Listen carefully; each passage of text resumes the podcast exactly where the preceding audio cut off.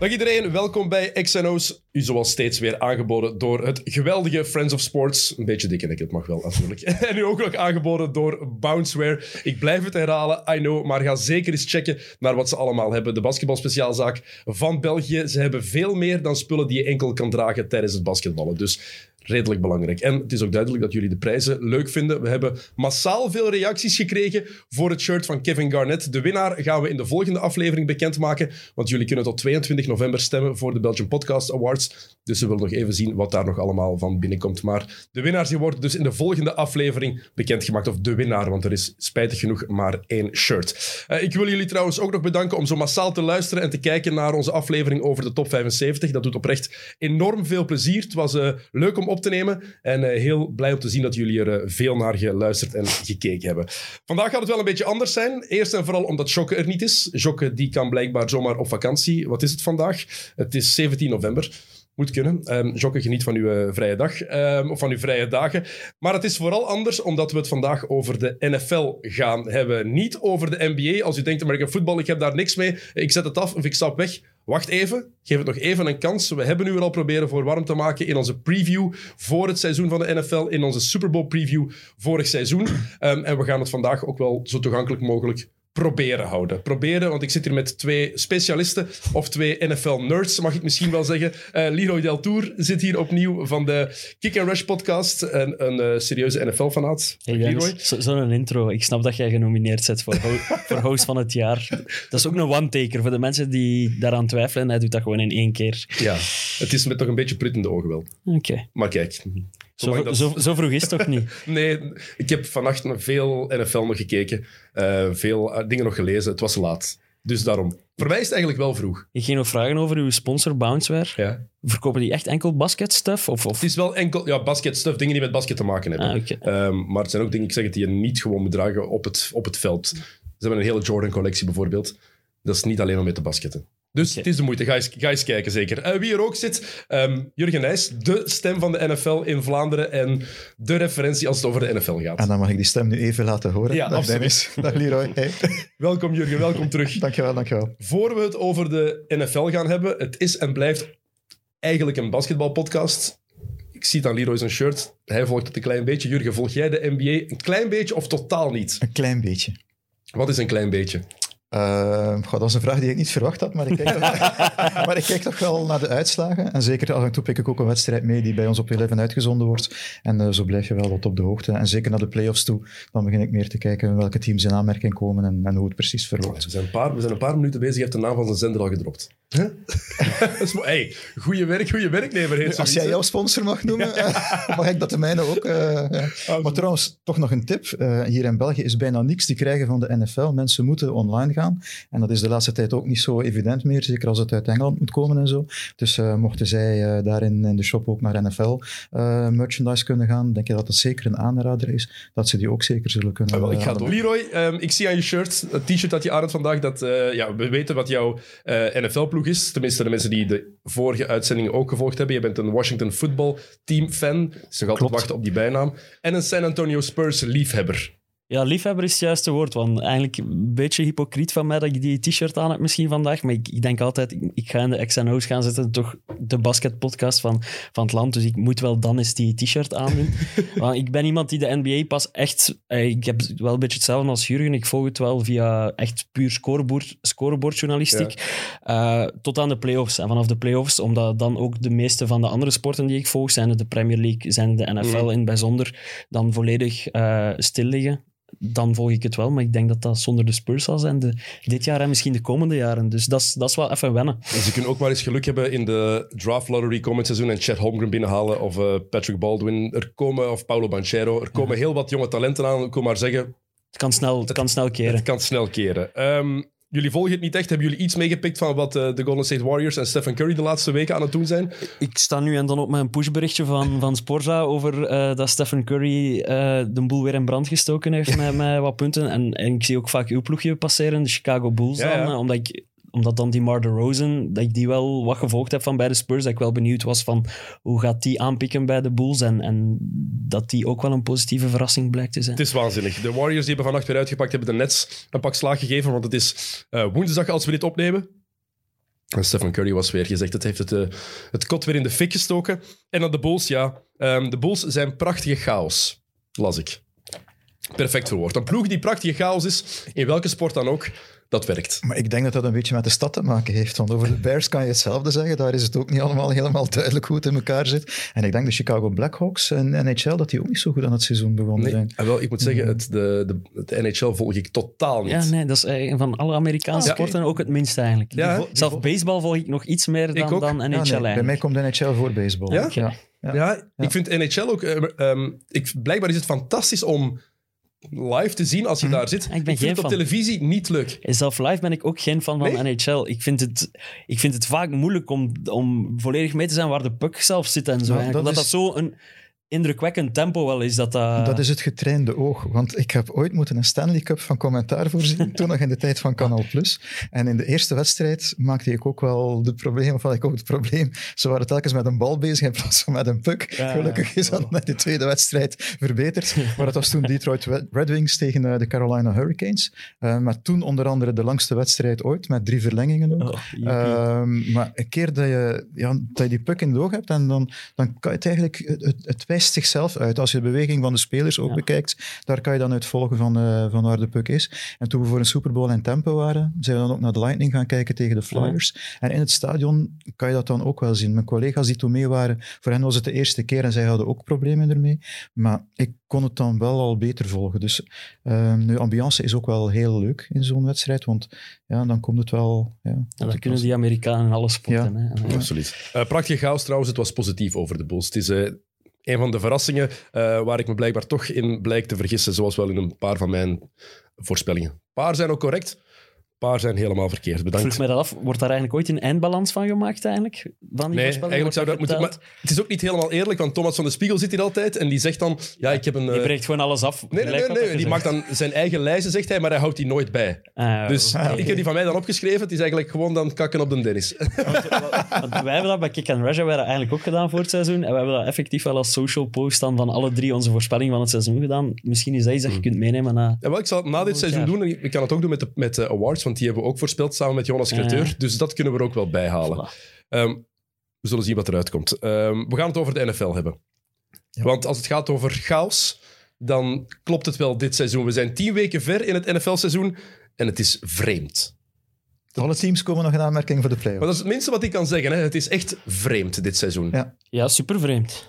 Ja. Ik bedoel, het is voor mij de leukste week dat ik hier kon komen zitten, want mijn ploegje Washington heeft dan eindelijk uit het niets plots een statement-overwinning gemaakt tegen de regerende wereldkampioen, noemen die Amerikanen dat dan altijd in alle bescheidenheid. De Tampa Bay Buccaneers van, van Tom Brady. Wat aantoont dat gewoon dit seizoen meer dan ooit, heb ik het gevoel, iedereen van iedereen kan verliezen. Want eh, in de afgelopen weken zijn er alle, een, een pak nummer one seeds die eerste staan eigenlijk in hun divisie, die verloren hebben van ploegen die, die nog niet aan, aan, aan 50% van hun matchen gewonnen hadden. Dus het is echt, zoals jij zegt, chaos. En alle dingen die, die je voor het seizoen verwacht had, de helft is daarvan alweer achterhaald en, en omgekeerd. Dat vooral. Hè. Alles wat je op voorhand eigenlijk dacht, wat, wat er kon gebeuren dit seizoen, is al tegengesproken. Zo ongeveer wel, ja. Ja, het is- we hadden allemaal een prachtig seizoen voor Trevor Lawrence voorspeld. Ja. Met De nummer 1 Jaguars. draftpick voor Nummer één draftpick. Ja. Nu eh, blijkt dat, die, dat dat team dat rond hem verzameld is toch nog niet zijn kwaliteit haalt. Want uiteindelijk haal hem daar weg, zet daar een Blake Bortles, zijn voorganger, of een, of een Minshew, Gardner Minshew. Dan denk ik dat ze nog niet zouden gewonnen hebben. Maar met Lawrence... In het begin was het iets minder, maar ze blijven toch altijd mee in de wedstrijd. Ze hebben die wedstrijd gewonnen in Londen tegen de Dolphins. Dat was even slikken. Ehm, Want jij bent een Dolphins-fan, Ik- daarom ook ja, een t-shirt dat je aan hebt, eh, ja. voor de mensen die luisteren. Eh, Jurgen heeft een t-shirt van Dan Marino aan, de legendarische quarterback van, eh, van de Dolphins. Ehm en het ding is met Trevor Lawrence, hij werd binnengehaald, de nummer 1 draftpick, als het nieuwe godenkind eigenlijk. Ja, maar ja, als je een nieuw godenkind wil laten schitteren, dan moet je hem ook wel beschermen. Dan moet je hem zeker de tijd ook geven dat hij een bal kan passen. En dat is niet altijd het geval. Want nu, ze hebben nu afgelopen weekend verloren van, eh, van Indianapolis. Maar hij was aan het driven. De laatste twee minuten was hij in de aanval. Maar dan moet hij weer overhaast een paas gooien. Die wordt dan weer onderschept. En einde verhaal. Maar de week ervoor dan bijvoorbeeld, hebben ze gewonnen van Buffalo Bills. Buffalo toch wel de topfavoriet in de AFC East. Die verliezen dan 9-6. Ook wel mede dankzij de verdediging, die eindelijk op afspraak was. En dan had je het fenomeen Josh Allen, de verdediger van Jacksonville, die Josh Allen, de quarterback van, uh, van Buffalo, kan sacken, kan onderscheppen en een fumble kan forceren. Uh, maar dus echt wel, ja, Jacksonville, er, er, is nog veel werk aan de winkel. Mm. Of Urban Meyer, de headcoach is, die daarvoor zal kunnen zorgen, dat betwijfel ik, want die heeft toch ook al een paar kemels geschoten uh, dit seizoen, om het heel, uh, heel braaf te houden. Uh, maar goed, ja, als ze ja, en ze zullen nog wel hoge draftpicks krijgen. Dus uh, zoals ze nu spelen. Dus misschien is er wel die mogelijkheid om inderdaad een muur voor Lawrence op te zetten. Dat hij tijd krijgt om zijn receivers te vinden. Maar dat is iets wat we zeiden in onze preview voor dit seizoen. We keken enorm uit naar de rookie quarterbacks die mm -hmm. gedraft waren. Er waren er vijf in de eerste ronde gekozen. Vijf jongens waarvan gedacht werd dat zijn potentiële supersterren. Mm -hmm. En Trevor Lawrence was de eerste keuze. Dus het echte godenkind waar iedereen eigenlijk van voorhand van wist van dit wordt hem. Sowieso. Ja. Hij gaat ja, goed jaren zijn. aan een stuk werd dat voorspeld. Ja. Uh, hij gaat de beste zijn voor de komende jaren. En dat is voorlopig nog niet het geval. Ligt, ligt dat aan hem? Nee, maar misschien Het- het hadden we een beetje meer magie verwacht al van hem. Ja, het toont gewoon in, in grote mate aan dat het ook wel een teamsport blijft natuurlijk. Eh, dat je niet op je eentje alles kunt omkeren. Eh, toont ook nog eens aan dat we de laatste jaren goed verwend geweest zijn met rookie quarterbacks die in de league gekomen zijn en die eigenlijk heel snel impact gemaakt hebben. Wat niet evident is. Nee, terwijl dat de meeste van nu tonen nog niet helemaal klaar te zijn, tijd nodig te hebben. Ehm, maar ja, ik had hem, want je had ons gevraagd voor de aflevering Mhm. om onze grootste teleurstellingen en, en grootste positieve punten van het seizoen op te, op te schrijven. En ik had ook wel Trevor Lawrence opgeschreven, omdat hij zodanig gehyped was de voorgaande jaren. Dat je, dat je daar wel meer van verwachtte, dat je wel meer, meer magie verwachtte, inderdaad. Maar, maar de Jaguars, ja, blijven de Jaguars. Ja, de Jaguars. Ehm, de mensen die de NFL niet echt volgen, die nu aan het luisteren zijn, die gaan waarschijnlijk denken dat is meteen een eh, hele hoge versnelling. dat ze schakelen. Absoluut. Meteen heel hard ingaan op ploeg als de Jacksonville Jaguars. Onze excuses daarvoor. Ja. Maar zoek Trevor Lawrence zeker eens op. Ehm, in college was het echt de gast die domineerde, waar iedereen van overtuigd was. Dat wordt de nieuwe Tom Brady. Tussen aanhalingstekens, want niemand wordt de nieuwe, kan zomaar de nieuwe Tom Brady worden. Ehm, maar Lawrence ja, heeft nu eh, negen matchen gespeeld bij de Jaguars. Hebben er twee van gewonnen. Eh, als tegenargument dat je kan zeggen voor het moeilijke carrièrebegin in de NFL van Trevor Lawrence. Ook Peyton Manning had een slecht rookie-seizoen. En ze heeft nog altijd het record qua meeste intercepties als rookie niet. Ja, dacht het wel, ja. Ja. Dus Kijk, en Ja. Peyton Manning is toch een van de all-time greats geworden. Viervoudig MVP, vijfvoudig MVP? Denk ik Mm, niet, nee. Nee, nee, nee. Ik denk... eh, Ik zal het even opzoeken voor de zekerheid, Of, twee, denk ik. Er is maar één... eh, is vier, vijf keer MVP gaat moeilijk zijn in, in het era waar dat je met Brady en, Ja. en zo... Vijf keer MVP. Oké. 2003, 4, 8, 9 en 13. Zie, we Ah, kennen er niks van, Jurgen. Wij Kijk, kennen nee, er niks nee, van. nee, Kijk, Dennis, zijn voorbereiding. Maar regular season, hè? Ah, ja, Ik ben- Niet vergeten, Peyton Manning was een regular season Ja. quarterback. Hè? Ja, waarom misschien, we ik- onthouden ik misschien makkelijker de Super Bowl MVP. En ik dan- ben wel op tijd gaan slapen vanavond, dat hij dat nog opgezocht heeft. Daar kunnen wij niet aan doen, natuurlijk. hè. Maar inderdaad, regular season, ja, oké. ja. En- Sorry, Peyton. Eh, trouwens, die hebben daar, de, de Manning-broertjes, die hebben nu de Manning-cast op maandagavond af en Ja. toe. Ehm, dan omkaderen ze een NFL, een live-wedstrijd met een, een gewoon de klassieke manier, met commentatoren. Maar op een ander kanaal zitten de twee Manning-broertjes dan op Zoom met, via Zoom met elkaar te praten, wat nooit echt, eh, ehm, echt bij elkaar in levende lijven. En Manning heeft dan zo'n beetje zijn mancave waarin hij zit. Eh, Peyton Manning tenminste, doet dat met zijn broer Eli, ook tweevoudig Super Bowl-winnaar. En die mannen die ontleden daar wedstrijden, praten met mensen, die geven daar hun analyses. En je kan daar heel grote stukken van te pakken krijgen hier in België. Wat een fantastische televisie Ja, is. en wat ik ging vragen, heb je, de- heb, heb je dat al bekeken? ja, fantastisch. Ik heb Ja. nog niet... Waar bekijk je? Gewoon YouTube? ESPN dropt daar online, echt stukken van ESPN? zeven Ah, minuten oké, van. top. Ja, ja En- ook met interviews met spelers die dan komen, want die worden ook uitgenodigd. En dan, dan zitten ze gewoon te praten. Die wedstrijd gaat voor, goed, eh, loopt, kabbelt verder, om het zo uit te drukken. En dan opeens gebeurt er iets. En dan begint eh Peyton begint dan heel die fase te analyseren. Van kijk naar die speler en dit gebeurt en dat. En dan zie je dat allemaal effectief. En ja, eigenlijk... En op voorhand ook al, hè, van, Ja. eh, met Tom Brady bijvoorbeeld. Wat, Tom, wat zou jij hier doen? Ja. En dan kijk je van, ja, ik zou hierop letten en daarop Ja, het letten. En dat dan, belachelijk leerrijk en dan kruip je Ja. in het hoofd van een quarterback. Ja. En zeker, ja, niemand van ons heeft dat echt gespeeld natuurlijk, American Nee. football. En dan, dan kan je meer nog leren van, oké, zo kijken die daarnaar. Want dat vind ik altijd een van de meest indrukwekkende zaken, om te kijken hoe ziet die quarterback wat die defense precies gaat doen. Want dat is, vind ik, onmogelijk om, om echt te kunnen ontleden. Ja, En dan kruip je in dat hoofd en dan, ja, dat is fantastisch. Eigenlijk is het idee simpel, maar is dat toch best innovatieve televisie, toch? Ja. Ik, ik, allee, ik, ik zie het bijvoorbeeld niet bij voetbal gebeuren op die manier, dat het interessant kan Nee, want je zijn. moet het ook kunnen brengen. En dat is het ding. Ja. Peyton Manning is een televisietalent. Die gast die is zo is vlot, die is hilarisch, Die heeft humor, ja. heeft, geen, humor. heeft geen gêne. Neemt zichzelf ook totaal Niet- te serieus. Die mannen kunnen allemaal, in vergelijking met veel profvoetballers die zichzelf soms iets te serieus nemen, kunnen ze een, een Brady en zo, kunnen zichzelf echt in het belachelijke trekken, ook al zijn ze van de grootste, grootste in de sport. En Terwijl dat, dat- is absoluut nodig. Het statuut van, Tom, van, eh, van Peter Manning is te vergelijken met wat Vincent Company hier is eigenlijk hè, in België. Ja. Het is een grootheid Ja, in de States. Hè? Absolute grootheid. En die staat er op een gegeven moment, had hij een helm opgezet die te klein voor hem was. En dat is zo'n headset van een headcoach ook opgedaan om na te doen. Ja, ik- dit gaat de headcoach nu zeggen. En dan is hij die gewoon Ja. eigenlijk... Is hij een sketch aan het spelen? Ja, want het is Impro- eh, als improvisatie. En dat is... de sport leent er zich ook natuurlijk wel toe om Ja. dat format te doen, omdat het vaak stil ligt, dat je tijd hebt om een situatie te bekijken voordat, voordat de actie zich ontplooit. En, en dat zou bij basket bijvoorbeeld of bij voetbal een pak moeilijker zijn. Bij basketbal zie ik er nog ergens... Ik zou het in het voetbal wel willen zien, maar ik weet ook niet wie het zou kunnen. Ja, het is, maar het Het is, is, ook echt aan- niet gemakkelijk, Het is ook zo typisch aan die positie Ja. van de quarterback, dat die, die moet de situatie scannen, elke wedstrijd opnieuw, terwijl ja, als, als de sport vloeiender is, is, is dat moeilijker. Ja, inderdaad, die flow in voetbal en basketbal is helemaal anders om dat te kunnen doen. Brady heeft zich wel op gevaarlijk ijs begeven op een gegeven moment. Toen hij vertelde over de defense, dat Mhm. hij ooit eens een, eh, een meeting van de defense bijgewoond had. En dat hij onmiddellijk wist van, ha, nu begrijp ik waarom ze defense spelen en geen offense. Want eigenlijk is het maar gewoon achter de bal aanlopen, zoals een hond dat doet met een auto.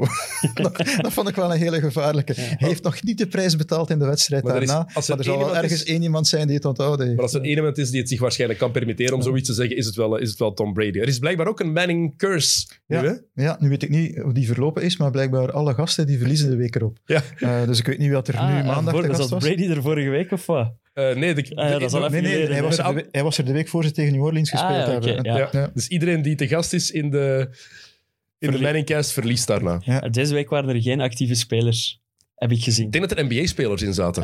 Kan ik, ja. ik weet niet meer wie, dan moet ik eens opzoeken wie het, eh, wie het precies Ik was. gewoon zien passeren dat er geen actieve spelers... Misschien beginnen ze moeite te hebben met mensen te vinden Ja, na, ze na de curse. Ze geloven in de vloek. Ja. Ehm, je zei het al, Leroy. Ik heb jullie gevraagd om jullie, eh, jullie bevindingen, jullie drie belangrijkste conclusies na eh, iets meer dan de helft van het seizoen eh, op te schrijven. Ehm, en positief en negatief. Ja, en het eerste wat jullie allebei meteen teruggestuurd hadden, was de onvoorspelbaarheid van het seizoen. De definitie van eh, Any Given Sunday. ja, Oliver Stone. Goeie film trouwens, mocht je hem nog niet gezien hebben. Absoluut. Ja, Eh, must voor elke sportliefhebber. Ook al ken je ja. niks van, van American Football, Any Given Sunday. Is, dat is Ja. met Jamie Foxx toch, hè? of niet? Ja, Dat Al Pacino, hè? Ja, Al Pacino was headcoach en ja, Jamie ja, Foxx ja. quarterback. Maar Van de nee, Miami Sharks. Beam. Ja, ja, Die inderdaad. film. Maar dat er plots een... Oh nee, ik ga geen spoilers doen. Ja. Nee, je, Ja, maar- je moet, je moet de film Nee, zien. nee, nee, inderdaad. Goeie Maar film. ook Dick Butkus speelt daarin mee. Eh, Hall of Famer, legendarische Ah, linebacker bij de Chicago Bears.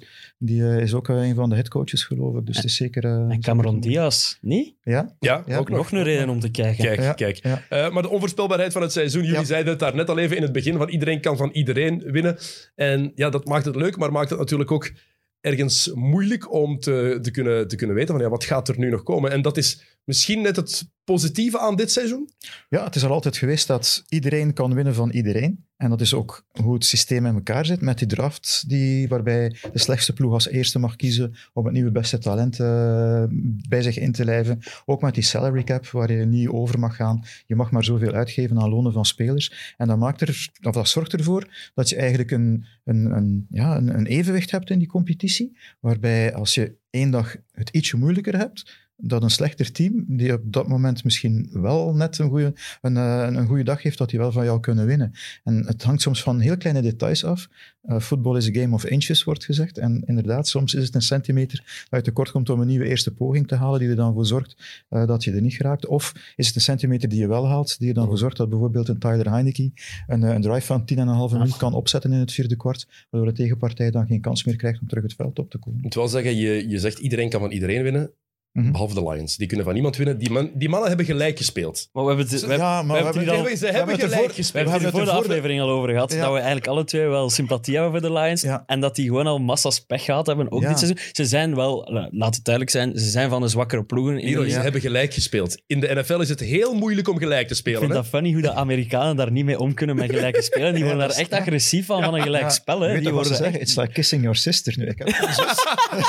dus ik weet niet wat dat is. Maar... Ik heb er drie en eh, dat is eh, een, ja, een drastische vergelijking. Ehm, Maar nee, dus inderdaad, die kunnen daar totaal niet mee om. Maar ze hebben nu dus, dat is typisch. Dat is, als er één ploeg was waarvan dat je wist van, Daarom. zelfs die gaan niet kunnen winnen, zijn het, zijn het de Lions. Maar ze, ze, ze beginnen wel telkens vol goede moed. Ze hebben een, een, een, een, een, een beetje een gekke he- headcoach die bij zijn aanstelling heeft hij, zei hem iets eh, in zijn allereerste persconferentie, denk ik, van iets in knieschijven I'm bijten. I'm- hij wil dat zijn spelers in knieschijven bijten. their, beak, eh, their kneecaps off, ja. ja. En ik vind dat ze wel op de een of andere manier wel de daad bij het, bij het woord aan het voegen zijn. Maar, maar het is gewoon een gebrek aan kwaliteit. En dus En- ik hoop wel echt dat ze niet... Het zou jammer zijn in het eerste seizoen met 17 wedstrijden, dat we dan ook direct de eerste ploeg hebben die 0-17 gaat. En, maar als er één ploeg is... Maar het kan dus niet meer. Hè? Ze Nee. hebben gelijk Ze gespeeld. Ah, ze hebben gelijk gespeeld. Ah, dus nog, nog lelijker. 0-16-1. Ja, wat nu kan Nog gebeuren is dat ze nog 8-8-1 eindigen en nog in de playoffs komen. Hè? Zie, voilà. Nee, kijk. Als dat gebeurt, Jurgen, eet ik één zo'n bal op. Echt, dat is, Oké, noteren we dat? Ja, ja, absoluut. Echt. dat is hetzelfde ik, als, knip niet, ik knip hem wel in stukken of zo. Hè, of ik, dat is hetzelfde als zeggen in de NBA dat eh, de No One spelletjes nog NBA-kampioen kunnen worden. Dat is ook allee, is een van mijn voorspellingen die al compleet te missen is gegaan. Dus sommige dingen, sommige dingen weten we, die, die zijn on, compleet onmogelijk. Nu, maar wat je zegt over die onvoorspelbaarheid, dat zijn de Lions ook. Want in die wedstrijd ehm, tegen wie was het? Tegen de Rams scoren ze als eerste in het eerste kwart na de eerste drive. Ja. En dan onmiddellijk een onside kick. Even technisch misschien, maar dat wil dus zeggen, normaal gezien heb je een kick-off en trap je de bal zo ver Na, na een mogelijk weg. score. Na een score Na moet scoren trap je de bal zo ver mogelijk weg, probeert de andere partij die terug te lopen en waar die returner dan getackeld wordt, daar begint de aanval. Nu, je hebt ook een onside kick, dat wil zeggen dat je die bal minstens 10 meter ver moet trappen en dat je die dan zelf kan recupereren. Wordt nu bijna nooit meer gedaan, omdat was, een aantal... was, de slaagkans is 3% of zo, bij ja, wijze omdat voor- een paar jaar terug zijn de reglementen veranderd en staat iedereen nu mee op de lijn. En, Dat doen ze en- meestal wel op het einde van een Want- match als ze achter staan, maar als Ja. ze nog de bal willen recupereren en kans willen Echt maken op een overwinning. Echt wanhoopspoging. ja, een wanhoopspoging. ja, maar zij deden het dus in het eerste kwart, na de eerste aanval, en ze recupereerden die bal en ze gingen terugscoren. Nu, jammer genoeg hebben ze dan de wedstrijd wel verloren, maar het, toont, dus wel, maar het toont dus wel aan dat ze er wel steeds voor gaan, dat ze erin blijven geloven en dat het team ook gelooft in Campbell als headcoach. Want anders, ja, dan, dan, ga je, ja, dan begin, kom je in opstand. Maar het enige probleem wat ze hebben, dat is die quarterback. Ze hebben hun quarterback, Matthew Stafford, voor het seizoen verkast naar eh, de Los Angeles Rams. En ze hebben Jared Goff in de plaats gekregen. En toen ik dan eh, de statistieken zag van Goff tijdens de wedstrijd, dacht ik dat ik naar een wedstrijd aan het kijken was uit de jaren 70. Toen voornamelijk gelopen werd met de bal. De quarterback eigenlijk een game manager was. Maar dan zag je 7 van 14 voor 84 yards passing. Nu, dankzij de overtime, dankzij de verlenging, is hij nog over de 100 yards gegaan. Maar dat je in deze tijden een quarterback in de eerste vier kwart van een wedstrijd geen 100 yards ziet passen. En dat is ook de grote merder voor de Lions dan dit seizoen, is eigenlijk in de, in de draftklas van volgend jaar zit er geen top quarterback, Nee. zoals er de laatste jaren wel. Dus net nu gaan die waarschijnlijk dan 0-16-1 gaan, waardoor dat die de number one pick gaan hebben. Maar dan gaan ze er geen quarterback mee kunnen kiezen. Dus gaan ze Het een talent- situatie... Het grote talent zit er niet aan te komen. Ja, die, die- ik, ik ben supporter van een kutploeg, maar supporter zijn van Detroit Lions is nog altijd nog net iets pijnlijker. Maar natuurlijk, we hebben het toch even over die slechtere ploegen. Soms kan je ook in een situatie terechtkomen waar het gewoon niet wil werken. Hè? Ehm, hoe groot het talent ook is. Kijk naar de New York Jets. En ook zo'n andere shitshow eigenlijk in de NFL dit seizoen. Waar het, die hebben al een paar, ja, twee matchen gewonnen. Maar het is daar... Dat is een vreselijke ploeg om naar te kijken. En Mhm. die hebben dan Zach Wilson gedraft dit jaar in de eerste ronde. Een van die vijf jonge talenten. Waar ze veel verwachtingen van hadden.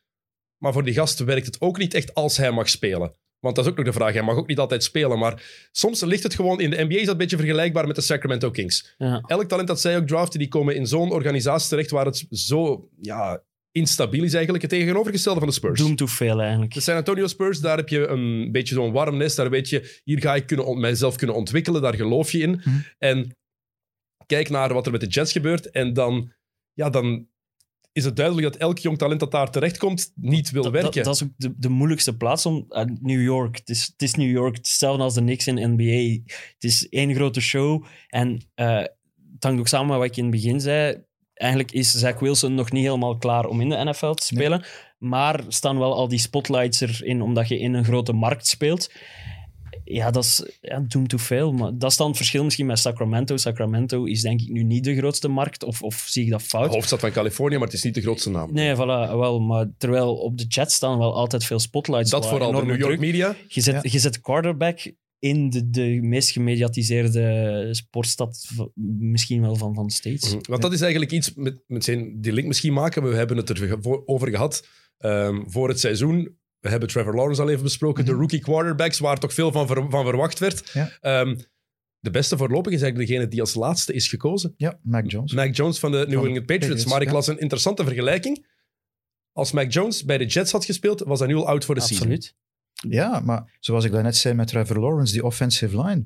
Als je je quarterback niet kan beschermen, ja, dan kan je ook geen succes verwachten. Plus je mag ook niet ver- vergeten dat eh, Zach Wilson, die kwam van BYU, Brigham Young, is al geen powerhouse als universiteit. Vorig jaar met corona heeft hij inderdaad wel, zij hebben gespeeld en hij heeft daar de pannen van het dak gespeeld. Maar het was tegen, ik, moeilijk, je mag het moeilijk zeggen dat het tegen derde rangs kwaliteitsploegen was, omdat ze moesten inderdaad ploegen verzamelen om te kunnen spelen. En daar schitterde hij. Maar echte ervaring om tegen echte topploegen te spelen, dat ontbrak er nog aan. En dat wordt nu jammer genoeg pijnlijk Ja, duidelijk. En wat je zegt over, over de Spurs, als je daar terechtkomt, weet je, je gaat goed omkaderd zijn. Ja, dat, dat is, die uitleg geldt perfect ook voor de Patriots, waar dan Mac Jones terechtkomt Ja. bij, bij de beste coach aller tijden waarschijnlijk. Op coaching gaat daar weinig aan te merken zijn. Een Ook, niet de plezantste stad, om de vergelijking met San Ja. Antonio niet de plezantste... Boston? Ja, nee, misschien wel de plezantste stad, maar niet de plezantste ploeg om bij terecht te komen, omdat het wel ja, een, strenge, een, strenge leer, alleen een strenge leermeester, zeg maar, is dan de headcoach. Maar dat zorgt er wel voor dat je perfect omringd wordt, met, met- waardoor je inderdaad als laatst gekozen van die vijf, van die vijf quarterbacks dan momenteel wel... Ik denk niet dat hij eerste is in de running voor Rookie of the Year, maar Ik wel, denk- wel van de Ik denk het wel momenteel. Ik denk zeker, met de Jamar- wedstrijd, zeker met de wedstrijd Ja. die hij nu zondag gespeeld heeft Ik dacht nog altijd. Jamar Chase. eh, Jamar Chase is van zijn pluimen aan het verliezen. Dat is de wide receiver van de Cincinnati Bengals, voor de mensen die het niet eh, goed volgen. Eh, maar dus die in het preseason kon die geen enkele paas vangen van Joe Burrow, de quarterback van Cincinnati. Maar eens het seizoen begon, ja, de bal moest maar zijn richting uitkomen. Eigenlijk een beetje zoals Dennis, die met een kater op het basketbalveld staat. moest maar zijn richting uitkomen en hij kon de bal vangen. Maar ondertussen heeft hij ook alweer een paar drops gehad. Ja. En, eh, Maar kijk, pre-season, daarom zeg ik ook altijd hier, pre-season telt niet. Nee, dat is- is totaal onbelangrijk. Even terug naar, naar Mac Jones. Wat dan ook een verschil is. Mac Jones komt van de Universiteit van Alabama. Mhm. Een van de absolute powerhouses in het American football in college. Want college is gigantisch eh, in de States College American football. En Alabama is een, een, een, echt een programma dat gewoon domineert al jaren. Ja. Dat elk jaar meedoet voor de prijzen. Waar zoveel weelde is dat je eigenlijk kan kiezen tussen quarterback 1, 2 en 3. Die kunnen allemaal Ja. meteen mee in dat systeem. We hebben een coach daar al jaren zitten die het goed doet. En nu komt hij opnieuw in een, zoals Leroy zei, in een organisatie terecht waar continu, continuïteit is. Maar dan nog moet je het doen. En je hebt net als een match van afgelopen weekend even Mhm. eruit uitgewezen. Jurgen, ja, dat was misschien wel het bewijs dat er greatness in zit. Ja, ehm, een drive van 99 yards, die dan nog resulteert in een touchdown tegen een verdediging met Miles Garrett. En wat voor touchdowns. En wat voor touchdowns, ja. Het is inderdaad... ehm, ja, en dan eigenlijk kunnen afgelost worden, want dan is Brian Hoyer, de backup quarterback, is er dan nog opgekomen op het moment dat eigenlijk al zeker was dat die, die, die zege eh, er was. Ja, dat, dat is niet alle rookie quarterbacks gegeven, dat is inderdaad zo. En om nog even op dat warm nest terug te komen, ehm, ze hebben hem de tijd gegeven eigenlijk. Eh, de verdediging van de Patriots, die staat er nog altijd als een huis. Er zijn ook een aantal spelers teruggekomen die vorig jaar niet gespeeld hebben. Eh, de, de optie genomen hadden om dat niet te doen met corona. Ehm, er is iemand, eh, Kyle Van Noy is teruggekomen van de Dolphins. Dus die verdediging die staat er. Dus ze weten, we moeten eigenlijk hier niet echt op offense de pannen van het dak gaan spelen om die wedstrijd te kunnen winnen. We kunnen rustig gaan groeien. Maak die fouten, dan maak die fouten, geen probleem. Heel rustig aan, korte passes, niet diep gooien. Gewoon op die manier dat vertrouwen laten bouwen. En dan nu kan je wel diepe passes gooien. En is hij pinpoint en worden die gevangen. Heeft ook, zoals Leroy zegt, het, het, het geluk van in een, een vaste coachingstaf te komen. Terwijl Zach Wilson dan, ja, die komt in een, een nieuwe coachingstaf. Die zoeken zelf ook nog een weg. Eh, ook voor de eerste keer waarschijnlijk dat die, dat die samenwerken. Terwijl ehm, Wilson komt van Alabama. Nick Saban, ooit nog assistent geweest van Bill Belichick. Toen ze Mac beiden Jones bedoel je? eh, wat bedoel je? Je zei Wilson, Mac Jones bedoel je, komt van. Alabama. Eh, ja, ja, ja, sorry, Mac Jones. Ja. Ehm, dus Mac Jones van Alabama, Nick Saban, de headcoach daar, is nog assistent geweest van Bill Belichick toen Bill Belichick headcoach was van Cleveland. Dus die twee kennen elkaar, eh, zijn twee topcoaches. Dus die, ja, die wisselen ook ideeën uit. Ehm, dus eigenlijk wist Belichick wel wat hij met, eh, met Jones, eh welk vlees in de kuip was. Dus hij wist, hoe moet ik hem aanpakken? Wat hij dan van Saban doorkreeg, van dat zijn de triggers waarmee je hem aan de slag kan krijgen en zo. Het Dus, verhaal doet ook denken aan Tom Brady. Hè. Mac Jones werd wat mee gelachen in, in, in, bij de draft, omdat hij er niet super atletisch uitzag. Wel allemaal in mindere mate dan Brady in de tijd. Hè. Maar ik denk dat we in, de pre in Mhm. onze preview ook die vergelijking gemaakt hebben met dan Cam Newton, waar hem toen nog mee in concurrentie was. Met, je hebt die foto toen ook aangehaald. Ja, inderdaad. Dus waar dat Cam Newton de superatleet is, Mac Jones eh, niet als ik, maar toch iets minder atletisch dan, eh, dan eh, Cam Newton. Eh, ja, dus op dat vlak zijn wel wat gelijkenissen in het verhaal. Wat, dat, wat dat dan ook weer aan de keerzijde van de medaille gaan mensen hem dan ook weer niet, wat Tom Brady super lang gehad heeft, dat, hij, dat mensen hem zijn blijven beschouwen als een systeem quarterback, werd dat dan genoemd, dat hij eigenlijk beter presteerde door zijn omgeving dan dat hij in feite zelf... Allee, het doet wat, wat af van zijn kwaliteiten misschien... Maar Brady heeft al bewezen dat dat onterecht Ja, is. voilà, natuurlijk. inderdaad. Maar hij, heeft, hij is wel echt naar een andere ploeg moeten gaan, wat, wat absurd is, om dat deels te bewijzen. Dat is inderdaad een beetje absurd. Eh, Jurgen, je had ze ook bij jouw positieve eh, vaststellingen geschreven, Mac Jones en, eh, en de Patriots. Mhm. Eh, want het is wel duidelijk, de Patriots are coming. Ja, Ze hebben nu zes van hun tien matchen gewonnen, als ik me niet vergis. Ja, en ze staan maar op een halve wedstrijd achter op Buffalo. Eh, dus die zes gewonnen, drie verloren. De Patriots 6-4. Dus zij hebben nog een rustweek te goed ook. En dat is ook weer positief, omdat geblesseerde spelers hebben ook weer een week extra om, eh, om, om te herstellen en dan naar die, die final rush naar de playoffs mee te gaan. En dat, en dat is iets in de NFL nog meer dan in andere sporten. Het is echt een hele harde momentumsport. Hè? Ja. Als je dat goeie, die goede flow te pakken hebt, kan je dat echt wel doortrekken naar de playoffs. Ja, klopt. En het kan ook heel snel keren. En dat zou het net straf maken in mijn ogen, dat, dat de Patriots er weer zouden staan. Dat die nu zo snel na, ja, na, na het kwijtraken van een, een, een, grootste speler aller tijden, dat die gewoon toch constant zouden, eigenlijk maar één down year zouden gehad hebben. Wat in een sport met zo'n grote, groot verloop, Ja. dat zou straf zijn. En, dat down year is ook buiten hun wil gekomen. Hè? Want vergeet niet, het was het team met het meeste eh, spelers die ervoor opteerden om niet te spelen. Ja. Zes of zeven basisspelers die, die eigenlijk vorig seizoen niet meegespeeld hebben, die zijn er nu terug. En kijk, ze staan er weer. Hè? Ja. En de Patriots weer rekening mee houden. Dat is, dat is inderdaad heel straf. Zeker na één minder jaar, nadat je de beste speler aller tijden misschien, of de beste quarterback ooit misschien wel verliest.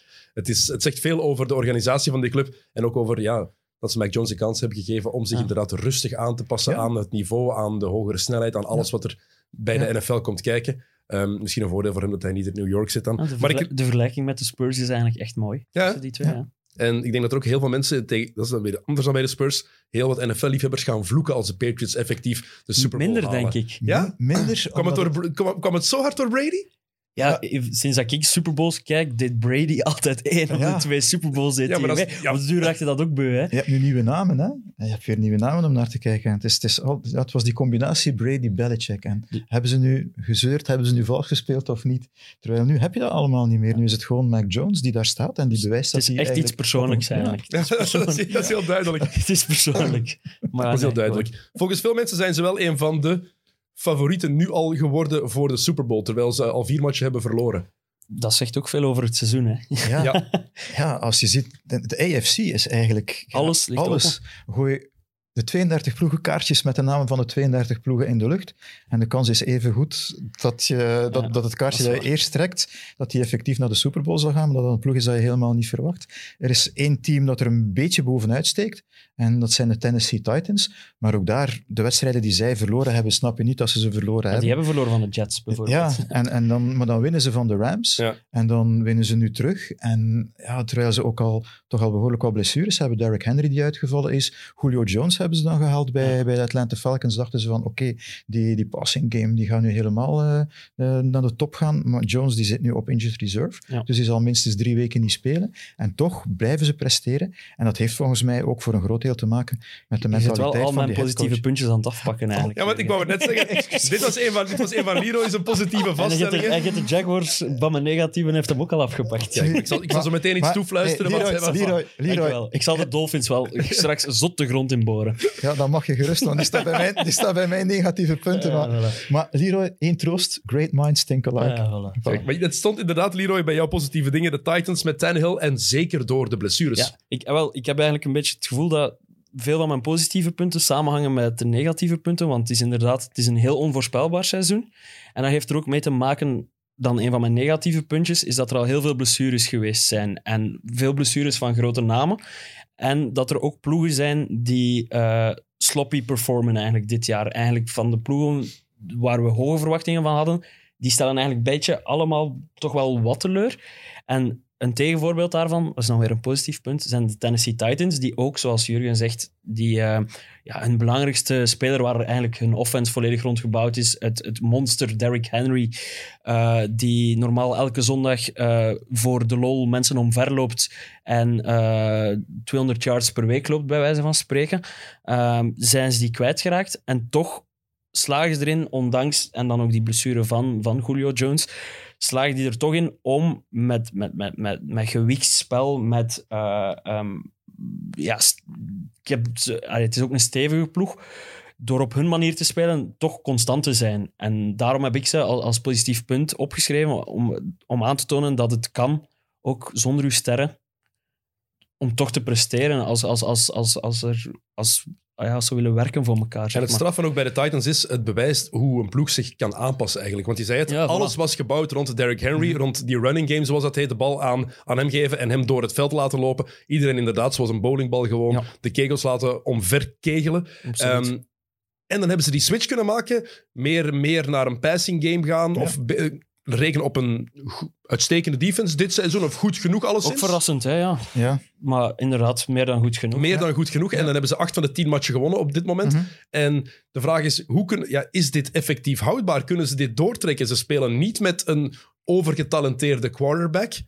Eh, die Ook- ooit de deur gewezen is bij de Miami Dolphins. Wegens niet Ja. goed genoeg. Daarom. Ik vind Tannehill onderschat. De- Ja. Maar het is, het is niet een van die grote namen, van die supersterren. Hè? Nee, maar ik, ik vind hem wel fantastisch. Omdat, ik zie hem heel graag spelen, omdat hij, hij is duidelijk... Door zijn manier van spelen is hij een leider voor die ploeg. Hij gaat ook zijn eigen lijf en leden riskeren om overwinningen binnen te halen. Hij kan het doen met zijn been. Hij, hij is niet de allersnelste of zo. Hij, is geen, hij is niet Lamar Jackson. Hij is niet Michael Vick eh, van, van, van in de tijd. Maar hij, hij, hij kan het wel allemaal en hij doet het ook. En hij is niet bang om, om, om, om geraakt te worden. En Om ook nog eens terug te gaan naar Zach Wilson. Weinig ervaring voor die NFL binnengekomen is. Dat was met Tannehill eigenlijk juist hetzelfde. Want die was oorspronkelijk was hij een wide receiver eh, aan Texas Tech. Maar door het uitvallen van de verschillende quarterbacks daar, hebben ze hem dan eigenlijk in die rol geduwd. En is hij quarterback geworden. zot. Dus hij had ook bijna geen ervaring op het moment dat hij gedraft werd door de Dolphins. Maar hij werd daar ook binnengehaald als de nieuwe Dan Marino. Omdat hij inderdaad wel de armkracht had en diep kon gooien. Potentieel. Snel kon gooien, Ja. het potentieel was er. Maar dan met de headcoach dan, ik denk dat Adam Gase dat ook nog was. Eh, dezelfde die trouwens de New York Jets de dieperik ingeleid heeft. Ehm, ja, is dat er nooit uitgekomen. En nu zit hij bij een, een coach, Mike Vrabel. Niet toevallig ex-teamgenoot van Tom Brady, ex-speler van de New England Patriots, die dus ook daar gezien heeft van hoe doe je het met misschien spelers die op het eerste oog minder getalenteerd zijn, maar die het wel in zich hebben. Hoe kan je die laten groeien? En natuurlijk had hij het geluk bij Tennessee dat hij daar Derrick Henry, Henry had, dat hij die running game had. En ook hij heeft dus de tijd gekregen. En ook met de ervaring die hij opgedaan heeft in de jaren, om dat spel is beter te ook als voorzien. backup binnengehaald. Hè? Ja, En, ja. En, ja, want toen was er Marcus Mariota. Ja, en die heeft hij eigenlijk in de playoffs dus naar de bank dat- gespeeld. Ik vind het wel een, eh, Ja.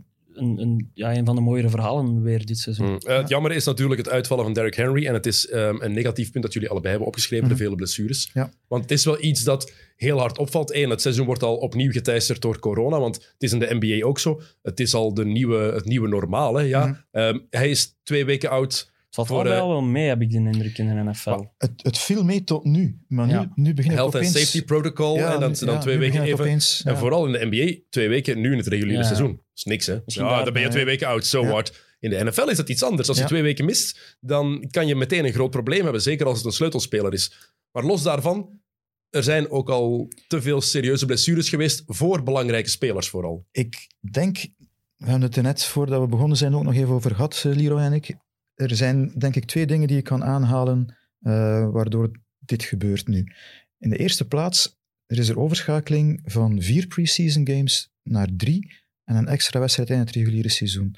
De basisspelers hadden altijd de derde preseason game om op het veld te staan, wedstrijdritme op te doen, dingen te proberen en op die manier eigenlijk ook weer in zo'n wedstrijd te komen. Nu, die derde wedstrijd was eigenlijk de vierde, waarin de spelers die op de bubbel zitten van halen ze het team of niet, zich moesten bewijzen. Dus er zijn veel basisspelers die in het preseason eigenlijk niet op het veld gestaan hebben of amper 15 minuten op het veld gestaan hebben.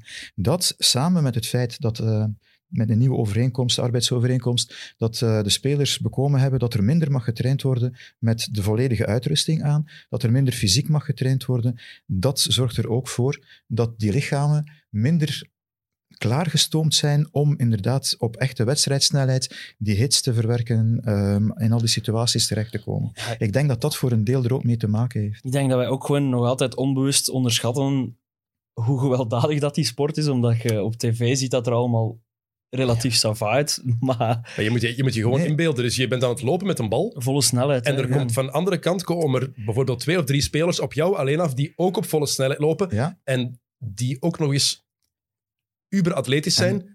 Kolossen van, van, van mannen zijn soms. En die dan er je zo hard mogelijk willen raken. Dat Ja. ook nog eens. en daar komt weer dat probleem van het feit dat er minder fysiek getraind wordt, want nu, en dat is ook in college zo, de techniek om te tackelen is niet meer wat die geweest is.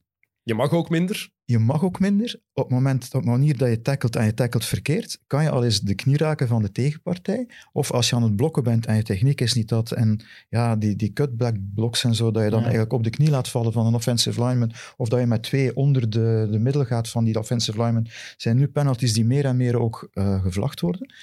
Dus dat zijn allemaal, allemaal dingen die aantonen dat de techniek minder geworden is. Het is ook meer atletisch geworden. Er wordt meer van puur snelheid en kracht uitgegaan. Minder van de techniek om het te doen. En dat Wat is ik- allemaal Wat een ik mij altijd afvraag, stel jij zet, jij zet een verdedigende speler en je doet inderdaad, je techniek van je tackle of zo is, is minder wat jij dan Mhm. zegt, omdat je er minder op getraind hebt. Maar je blesseert wel de ster van de tegenstander. Zij het dan... Dat is toch een goede zaak voor je ploeg, of niet?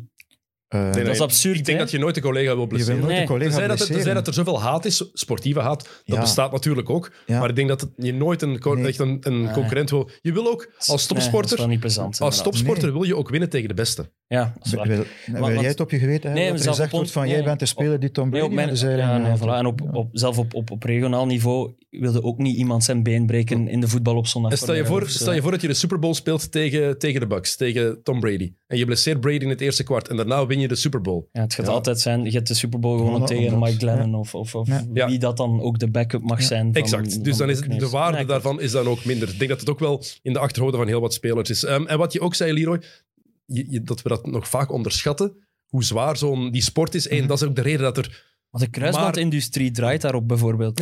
Allee, dat, is, dat zijn de kruisbanddokters hebben die sport. Ik ben, die hebben, de kruisbanddokters hebben die sport uitgevonden. Maar het is, dat is de reden dat er maar, maar 17 speeldagen zijn. Nu is er eentje beer bijgekomen en nu zijn het er 17. En dan snap je het protest waarom dat die zo moeilijk doen over één extra Tuurlijk, wedstrijd. dat is ook de reden dat er zoveel pijnstillers gepakt worden door spelers. Ja. Dat is de reden dat 90, of was het 95% van de NFL-spelers volgens het laatste onderzoek cannabis gebruikt. Ja. Tegen de pijn, op alle soorten manieren. En sommigen zullen het ook voor hun plezier doen. Ja. Uiteraard. Uiteraard. En dat 1 op de 30 doorslaat na zijn carrière of tijdens zijn carrière, zal er ook wel iets mee te maken. Ah, ja, 1 op de 30 Nu, is vooral hebben duidelijkheid een fictief cijfer. We hebben het al over films gehad. Hè? Eh, North Dallas 40. Nu gaan we heel veel terug in de tijd. Dat was nog met Nick Nolte. Eh, Hey, Nick als- Nolte, de ster van de geweldige basketbalfilm Blue Chips. Ja, maar dus hij speelt daar een wide receiver in. En het zijn eigenlijk de Dallas Cowboys die daarin eh, in beeld gebracht worden. Is geschreven ook door, ik denk, Pete Garnett, ook een gewezen wide receiver van de Dallas Cowboys. Nog met Tom Landry als headcoach. En daar zie je dus hoe er met die blessures ook omgegaan wordt. En waarom Nick Nolte en die Pete Garnett dan eigenlijk zo'n die hoek krijgt van de sport. Omdat er niet gekeken wordt naar de veiligheid en de gezondheid van de spelers. Gelukkig zijn Er is een running back daar die met een inspuiting dan eh, ehm, moet spelen. En inderdaad, die knie die gaat er aan in die wedstrijd. Mhm. En dat is het punt waarop, eh, waarop Nick Nolte dan zegt van, ik geef er de brui aan. En, ja. Ja, eigenlijk gewoon lange termijn doet er niet toe. Het is, het is de volgende zondag die ertoe doet. Ja. Bij wijze- maar Ja. er zijn veel goeie, Concussion is ook een goede film op dat vlak dan. Ja. Maar over, over hersenschade. Dat, dat is echt, als je dat nog niet gezien hebt, voor gelijk welke sport dat je ook volgt, dat is heel interessant om te zien, want het is ook van toepassing op voetbal Ja, en koppen absoluut. bijvoorbeeld. Ja. Waardoor dat je... Allee, hoeveel, de typische reactie in Vlaanderen als koppen zou afgeschaft worden bij jongeren. Oh ja, eh, eh, ze, ze willen er allemaal mietjes van maken, bij wijze van spreken. Maar kijk eens naar zo'n film over wat, wat hersenschade Mhm. is. En eh, ja, nee, dat is... Gelukkig, pro- gelukkig om het positief te houden, want we zijn nu redelijk ehm, reclame aan het maken tegen deze mooie sport. Ja. Dat zijn de negatieve kanten, maar ze zijn er wel echt hun best voor aan het doen om het veiliger en veiliger te maken. Natuurlijk, als, dit is een gewelddadige sport en zo'n blessures, zeker voor kruisbanden of voor enkels, gebroken enkels, ligamenten, ja, dat kan je nu eenmaal niet vermijden. Als er drie gasten van 120 kilo op je benen afkomen, ja, het risico is groot nu eenmaal dat daar een zware blessure volgt, natuurlijk. Het draagt ook bij aan de spectakel. Dat is waarom we er naar kijken. Dat is waarom dat er miljoenen in omgaan. Ook dat dat zo... Allee, En dat maakt het nog straffer dat Tom Brady op zijn 44ste nog altijd daar rondloopt. Ook al is het maar een quarterback en heeft hij minder, krijgt hij minder klop dan andere posities. Die is 44. Ja, nu als hij gesekt wordt, krijgt hij ook 150 kilo bovenop. Dus, Dat is eh, waar. Gelukkig is hij zo geniaal dat hij dat meestal kan, eh, kan vermijden. Ehm, nog iets negatiefs misschien. Leroy, we zullen door jou even... Ja, je, wou het, je hebt het net al even aangehaald. Eh, Je wou een van eh Jurgen zijn punten onderuit halen. Hij, bij zijn negatieve punten stonden de Miami Dolphins. ja, ik denk... Ik zal, ik zal over onze beide ploegen dan even wat praten, want ik denk dat wij zowel voor dat is- Washington, Dat is lief. Washington als, als Miami, eh, dat dat twee ploegen waren met hoge verwachtingen. Omdat ze het vorig seizoen leken ze alle twee naar, naar de weg naar boven bezig. Ehm, hebben dan dit, deze zomer zo gezegd versterkt. Maar beide vallen eigenlijk super tegen. Het enige wat, wat nog wat zuurder ligt, denk ik dan bij de ploeg van, van, van Jurgen, bij de Miami Dolphins, is dat zij wel eigenlijk destijds de quarterback van hun toekomst hebben binnengehaald met Tua Tagovailoa. Maar ehm, dat ze duidelijk bij Miami daar eigenlijk al niet meer echt in geloven. Waardoor, dat ze, waardoor dat er veel geruchten geweest zijn dat ze zouden willen traden hebben voor Deshaun Watson, die momenteel aan eh, een hele reeks zedenzaken wordt gelinkt. Eh, Een beetje de Bart de Pauw van de Verenigde Staten, maar misschien Maar, dan, maar dan erger nog. ja, nog extremer. Ja. Ehm, Een beetje de... ne- Benjamin Mendy, Mendy van, eh, van Man City. Komt, die, die, komt dat in die richting? Ja, het is tussen Bart de Pauw en Ja. Mandy. Ja. Zo, op Ja. die schaal kunnen we Ja. hem zetten. Ehm, Waanzinnig. ehm, wat dat ook... Ja, wat dat bij mij als fan wel een wrang gevoel zou geven. Van, wilt je echt iemand zo Nee. In, in uw franchise halen zonder dat er... Allee, er is vooral duidelijkheid, er is nog niets bewezen, maar er is heel veel rook.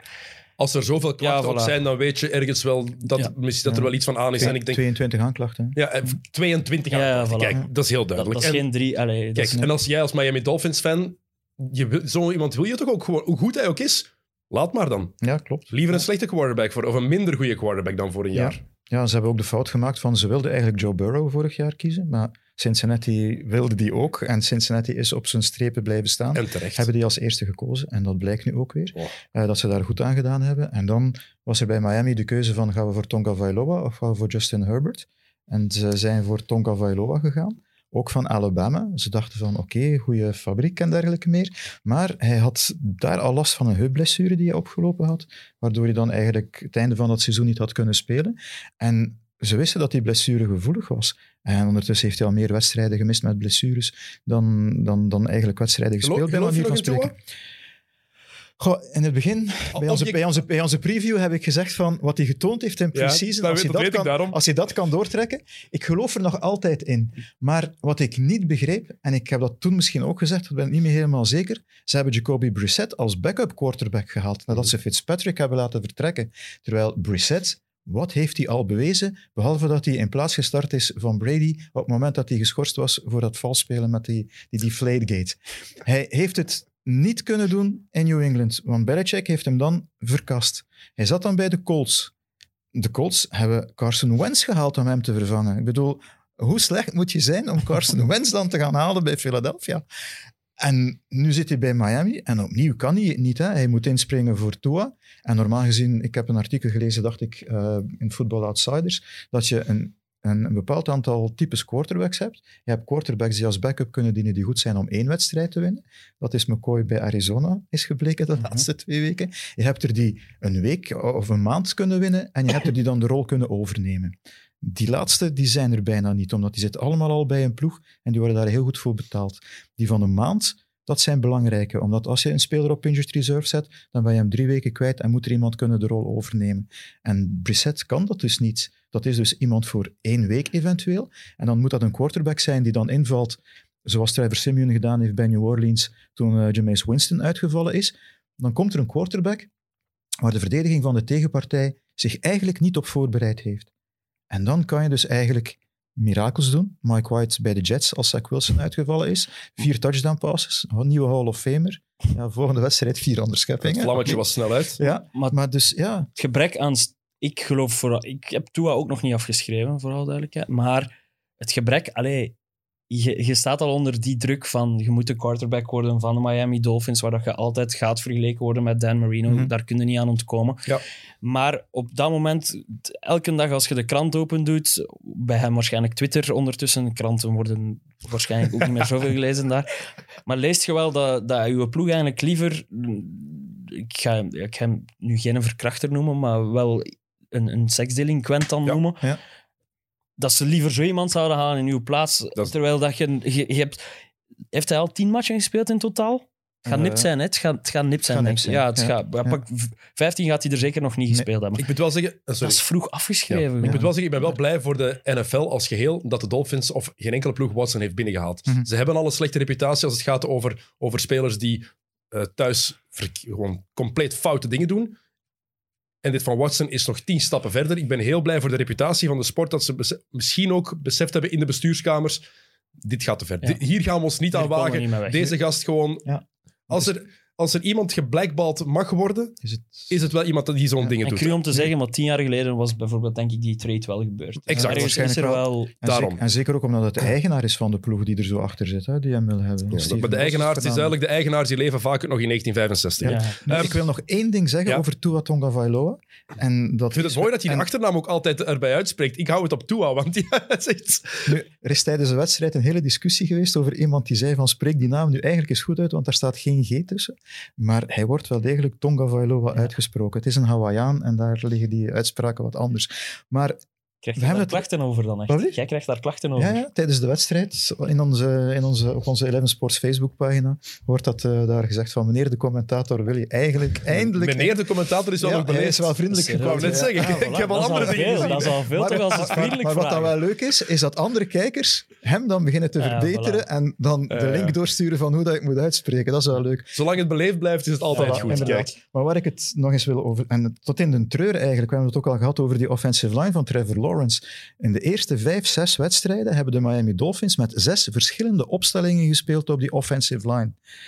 Ik bedoel maar, een offensive line die moet blindelings op elkaar kunnen vertrouwen. Als je iets moet doen, moet je eigenlijk al aanvoelen wat de speler naast jou gaat doen als die situatie gebeurt. Als een verdediger naar links gaat of naar rechts, wat gaat hij naast mij doen? Mhm. Moet je aanvoelen. Denk- Als je zes wedstrijden op rij met iemand anders naast je staat, dan is dat er niet. Ik denk dat dat het moeilijkste is ook om te snappen voor mensen die de sport misschien iets meer, meer casual vo- volgen dan dat wij het doen, is het belang van die offensive line. Hoe belangrijk dat het is om tijd te... Hey, iedereen ziet altijd de quarterbacks, ziet de wide receivers. Die namen kent iedereen, maar niemand kent die namen van die offensive lines. Omdat dat zijn niet de flashy picks in de draft. Nee. Maar dat zijn vaak wel de fundamenten van, van waar uw ploeg gelegd wordt. Zij zorgen dat uw quarterback tijd heeft. Zij zorgen dat uw running backs gaten hebben om Mhm. door te lopen. Want zorgen anders ervoor- gewoon tegen een muur. Zij zorgen ervoor dat de kruisbanden van die quarterbacks Voilà, intact blijven. Exact. Ja, ja. En er is niks belangrijker dan de kruisbanden van uw quarterback. Eén positief ding over Miami, zal ik daarmee afsluiten? Ah, mag. Wide receiver Jalen Waddle is the real deal. Ja, Kijk, Ja. je moet het gewoon, het is klopt. positief, je mag het aanvaarden. maar, maar het enige wat Maar, je nog moet oh. hebben is een quarterback die hem geregeld dat weet ik, maar dat En kan ook maar... gegooid. En het, eigenlijk is het verhaal, is Jalen Waddle ook een zuur verhaal voor Miami. Hè? Als we daar, ze hebben daar Ja. dus wel ze hebben daar een first round pick extra voor gegeven Ja. eigenlijk, om, van, van, van, om een paar plaatsen hoger te Ja, gaan. Van 12 naar... eh, Ja, om van 12 na- naar, naar 4 of 5 of 6 Ja, te gaan om Jalen Waddle te draften. Terwijl dat wel, er zaten drie supergoeie wide receivers in die klas. Ehm, En op de plaats waar de Miami normaal ging pikken, is Devontae Smith dan gepikt. Die ook supergoed bezig is bij de Eagles. Dus op zich is Waddle een goede pick. Maar eigenlijk heb je dan weer te veel kapitaal ingestoken. Te veel voor opgegeven. Ja, Ja. want je geeft... Maar dat is ook omdat ze dachten dat ze dit jaar gingen verder staan. Ja. Plus ook, waar, En- is die, ver- en- waar is die verdediging naartoe van Miami? Want we Ja, zitten nu heel continu op de kap van, van Tonga Vailoa. Maar die verdediging die, vroeg, die vorig seizoen Ja. eigenlijk de ploeg droeg, die is volledig... eh, ik heb ze bijna in al mijn fantasy teams, waar dat ik het weet. Eh, Liro, jouw ploegje Washington, het gaat niet goed, maar Heineken doet het nog niet zo slecht. Ah, wel, als je het dan hebt over een backup die Sava wel op de rails kan houden voor, voor, voor een seizoen, dat is Heineken op zich wel aan het doen eigenlijk. Eh, ja, die zijn verhaal is ook, is ook gewoon fenomenaal. Hè. Een, een jaar geleden lag hij eigenlijk letterlijk op zijn, eh, op zijn zetel, was hij een econo- economie aan het studeren of zo. Ging hij echt stoppen als quarterback na, nadat hij zo'n paar keer van ploeg naar ploeg gestuurd was. Maar ja, toen is de miserie bij Washington begonnen, is hij daar opgepikt. Is hij dan een wedstrijd in de playoffs mogen starten tegen de Buccaneers? Heeft hij daar eigenlijk ja, fantastisch gespeeld, ondanks de nederlaag. En, en door dan nu eh, Fitzpatrick, die dan de QB1 moest worden eigenlijk bij Washington, snel eh, ook een heupblessure eh, opgelopen heeft. Met dat verschil dat hij wel 20 jaar ouder is dan Tua, om de heupblessures even in context te plaatsen. Ja, die doet het wel aardig en heeft nu weer tegen de Buccaneers een, een, een sterke wedstrijd gespeeld met, met een stunt als gevolg. Maar ik denk dat Washington is een ploeg in de marge. Veel moeten we daar niet meer over Ze zeggen. wachten nog altijd op hun bijnaam. Ja, voilà. Kijk. Maar ik ben er al aan gewoon. Hè. Ik, ik kan ermee leven met Washington Heeft. Heineken, heeft Heineken ook niet een bepaalde tijd bij zijn zus gewoond? Omdat hij dacht van, ik ga hier toch niet te lang blijven, ik ga hier geen Ja, ik denk het. appartement huren. En hij heeft, ook, ja, hij heeft ook wel gewoon wat swag. En dat is wel Ja. gewoon plezant om naar te kijken. In, in het grotere plaatje doet het er niet toe, maar van week tot week eh, is het wel amusant. Een van jouw andere negatieve punten, Leroy, eh, het waren de Kansas City Chiefs, een van de absolute topfavorieten voor dit seizoen. Een negatief Ja. punt dat na afgelopen weekend misschien een beetje bijgestuurd moet worden. Ik weet niet hoe lang dat we bezig zijn, maar, Al even. eh, maar dat het nu pas over de Chiefs Ja, ik gaat... weet. Ik- is- Kijk, er, er zijn 32 ploegen. Hè? Er is veel om te bespreken ja, natuurlijk. het, ligt ook. niet, het ligt niet aan de presentator, wou ik zeggen, maar het ligt, het Het ligt aan, altijd aan de presentatie. Nee, dat ligt aan de ploeg gewoon. Het Ja. feit dat het er nu pas over... Normaal, als de Chiefs zouden de Chiefs zijn, zouden we al lang de loftrompet weer boven gehaald hebben, omdat dat... Ja, als ik vorig jaar één ploeg moest aanraden bij iedereen om een eerste wedstrijd te zien van NFL, is kijk naar de Chiefs. Want wat je daar gaat zien, is, is sport van het allerhoogste niveau. En eh, ja, dit jaar loopt het allemaal wat moeizamer. Is het decompressie na twee jaar Super Bowls halen? Is het eh, Mahomes die eh, misschien wat te arrogant aan het spelen is en te veel op zijn talent aan het teren is en zich niet meer aan de, alleen niet meer aan de, de basisprincipes houdt. Ik weet het niet, maar, maar ja, dit weekend was het inderdaad wel... Allee, het kan snel weer keren. Hè. Er is, ze hebben een goed seizoen uitgekozen om, om eigenlijk wat, Ja, ja. wat te struggelen. Want, het is, het is vooral ook de twee grote sterren daar. Patrick Mahomes natuurlijk, de quarterback, en Travis Kelsey. Travis Kelsey is ook een cruciale speler bij die ploeg. Mhm. We waren niet op de afspraak. En zeker Mahomes leek afgelopen weekend te doen wat, ze, wat iedereen van hem vroeg. Ah. Meer die simpelere plays maken. Eén Ehm, ding mag je niet vergeten. Ondertussen hebben ze twee seizoenen, Tape. bijna drie, tape inderdaad, waar de verdediging naar kan kijken wat er kan gedaan worden.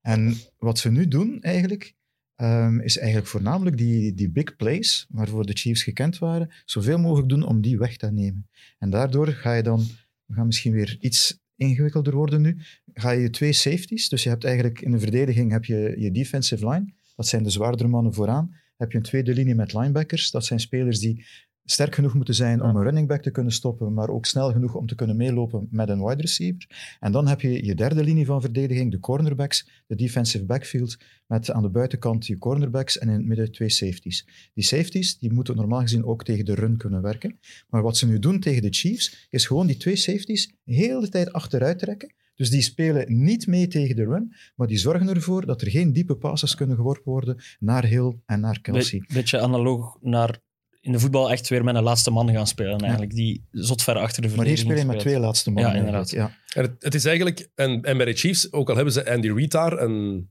mastermind als coach, ze hebben zich te weinig aangepast in die eerste negen weken van het seizoen aan wat van... eh, iedereen wist wat je zegt, iedereen wist wat ze eigenlijk gingen doen en ze hebben, Ja. zijn met te weinig vernieuwingen gekomen. Maar dan komen we terug bij dat andere negatief punt van, van Leroy, die blessures, ook een punt van mij. Ehm, Clyde Edwards-Hilaire, hun running back, die is ook al uitgevallen, maar die was wel een belangrijk deel van die offense. Want ze hebben nu eigenlijk geen running game meer. Of toch niet om... Maar je, maar je om zag wel te afgelopen weekend dat Mahomes wel opnieuw sneller begon te beslissen. Het was, ik denk geleden van week 4 dat hij zoveel plays heeft gemaakt Ja. waarin hij binnen de vier seconden een beslissing nam. Het was ge- geleden van, van week 4 dat het zo lang geduurd heeft dat hij, er zoveel, dat hij zoveel snelle beslissingen nam. En hij begon ook meer en meer, minder die big plays te, te proberen te vervolledigen. Meer en meer op, op veiligheid spelen. En vooral dus gewoon rustig opbouwen Maar en het eindelijk veld hebben ze de le- oversteken. eindelijk hebben ze de les dan begrepen. Hè? Want de week ervoor tegen de Packers hebben ze het wel nog met die diepe Ja. passes geprobeerd. En toen werkte het ook niet. Ja, op zich, het probleem is, je zegt eigenlijk tegen Patrick Mahomes, die de beste arm heeft en de beste throw heeft eigenlijk in de NFL, van je mocht het niet meer doen. Ja, Of minder. Ja, je mocht het minder doen, inderdaad. Je betere mocht- momenten uitkiezen. Ja, voilà. Dus je moet eigenlijk, en, en dat is, op zich is dat een van de grootste talenten op zich, is weten wanneer dat je je talenten moet gebruiken. En hij is zodanig hyper-talented dat hij dat de laatste twee jaar gewoon kon doen wat hij wou. Dus nu moet hij daarmee kunnen omgaan van... En, en het probleem is ook, door dat hypertalent, heeft hij, zelfs al in college, heeft hij nooit echt defenses leren lezen. Ja. Wat jij daar straks zei, dan is Ja. van, je kruipt in het hoofd van een quarterback Mhm. en dan zie je wat hij allemaal doet en wat hij ziet en waar hij zijn beslissing op baseert. Dat is geweten dat Mahomes daar niet sterk in is. Mhm. En dat heb je dan ook als je daar dan een defensive coordinator tegen zegt, die met die safety speelt en die Ja. op die manier telkens die, die opstelling van die verdediging verandert. Daar heeft Mahomes het ook moeilijk mee. En als hij nu tevreden is met die korte passes, niet daar ja, iedere keer een bom wil gooien, ik denk dat de Chiefs er dan gaan zijn. En met heel die situatie in de AFC, ze hebben maar twee wedstrijden achterstand op, op de Titans, dus ze kunnen nog altijd die eerste plaats Ja. halen. Ik, ik denk heel vaak de laatste tijd, als ik naar de Chiefs keek en dingen las en, en beluisterde, ik maakte altijd de vergelijking met Manchester City in het voetbal. Pep Guardiola heeft zijn manier van spelen, maar die past het altijd een klein beetje aan, Mhm. zodat het niet te voorspelbaar is, dat mensen ook niet perfect weten wat ze moeten blijven verwachten. Je hebt daar Kevin De Bruyne, de superster, die Mhm. zoals ehm, Mahomes die big plays kan maken, maar zich dat ook niet altijd kan doen, want het moet passen in het systeem. Het mag niet constant die, die hoge risico's zijn. En dat ze dat bij de Chiefs in het begin niet konden. Dat die aanpassing er niet was, dat het hetzelfde spel bleef, wat iedereen wist. Dat Reed nog niet de Pep Guardiola en zichzelf had bovengehaald om het nog, nog eens aan te passen. En dat het misschien nu wel het geval is. Snap je de vergelijking? Ja, ik, vind, ik ben mij even visueel Andy Reid en Pep Guardiola naast elkaar aan het voorstellen. Eh, Mensen die die niet kennen, zoek, zoeken Andy Reid even op, Andy inderdaad. Reid is een, een, een, een goed gezette white guy die meestal uh, Hij zou- Hawaii hemden draagt. Hij zou de kerstman kunnen spelen. Hij zou echt een topkerstman zijn Kijk. zelf. Ja, Vind dus- ik een heel goede Maar dan omschrijving. moet wel de baard moet nog aangeknipt Ja, ja, maar de- maar die baard is nooit de echt bij de de die Baard is is, gemakkelijk. ja. Ja, dat is het enige wat we zouden moeten doen. Een baard en wat haar Ja. opplakken. Kijk. Ja. Maar snap je de vergelijking? Ja, ja, ja, Ja? ja. Het is ook goed, ja. Nee, ik vind het een goede vergelijking. En ehm, het zag er op bepaalde momenten zelfs zielig uit. Hè. Gewoon, allee, dat je, dat je aan het Ja. kijken wordt alsof, dat, alsof dat je de eerste keer dat videospelletje Madden aan speelt en dat je maar één iets wil doen en de hele tijd diep lopen en, en maar proberen zonder... Het was echt niet plezant om naar te kijken. Dus. Nee. Ehm, het nadeel voor de Chiefs, ze hebben nu zes van de tien matchen gewonnen. Ze moeten nog tegen de Packers, twee keer tegen de Raiders, tegen de Cowboys, Chargers, Steelers en Bengals. Het schema is wel loodzwaar voor die ploeg. Maar dat weet je op voorhand. Hè. Als je, bij Als de je goed bent eindigt, geweest. Ja, dan, dan speel je tegen de sterkere teams. Ja, dat, vind ik, wel- dat vind ik wel straf eigenlijk, dat ze dat daar zo doen. Als een ploeg goed is geweest, zeker meerdere jaren, wordt het schema elk jaar zwaarder. Ja, maar dat is weer met die gelijkheid. Hè. Ja. En Ja, dan want naar die, en die Dat is omdat given ze tegen de number ones van andere divisies dan speelt. Ja. Dus sowieso speel je twee keer tegen de ploegen in je divisie. Ja. Speel je één keer tegen een divisie uit de AFC. En wat er dan overblijft aan wedstrijden, wordt dan gekeken van wie had een even goed resultaat of wie zijn ook divisiekampioen. En daar word je dan tegen geplaatst. Gaan we positief doorgaan? Dan goed. maar. Ehm Jurgen, zijn laatste positieve punt. De Arizona Cardinals. Voor mij toch wel de verrassing. Acht keer gewonnen, twee keer verlopen. eh, zijn aan het strijden met de Rams voor eh, de titel in de eh, NFC West. Ja. En hebben de smaakmaker van de eerste helft van het seizoen in hun ploeg. Ja. Met Kyler Murray. Die nu jammer genoeg geblesseerd is. Jammer en al wel. twee wedstrijden gemist heeft nu. Ook die Andre Hopkins is geblesseerd. En dan zie je dat eigenlijk een offense toch wel rond bepaalde spelers draait die je moet hebben.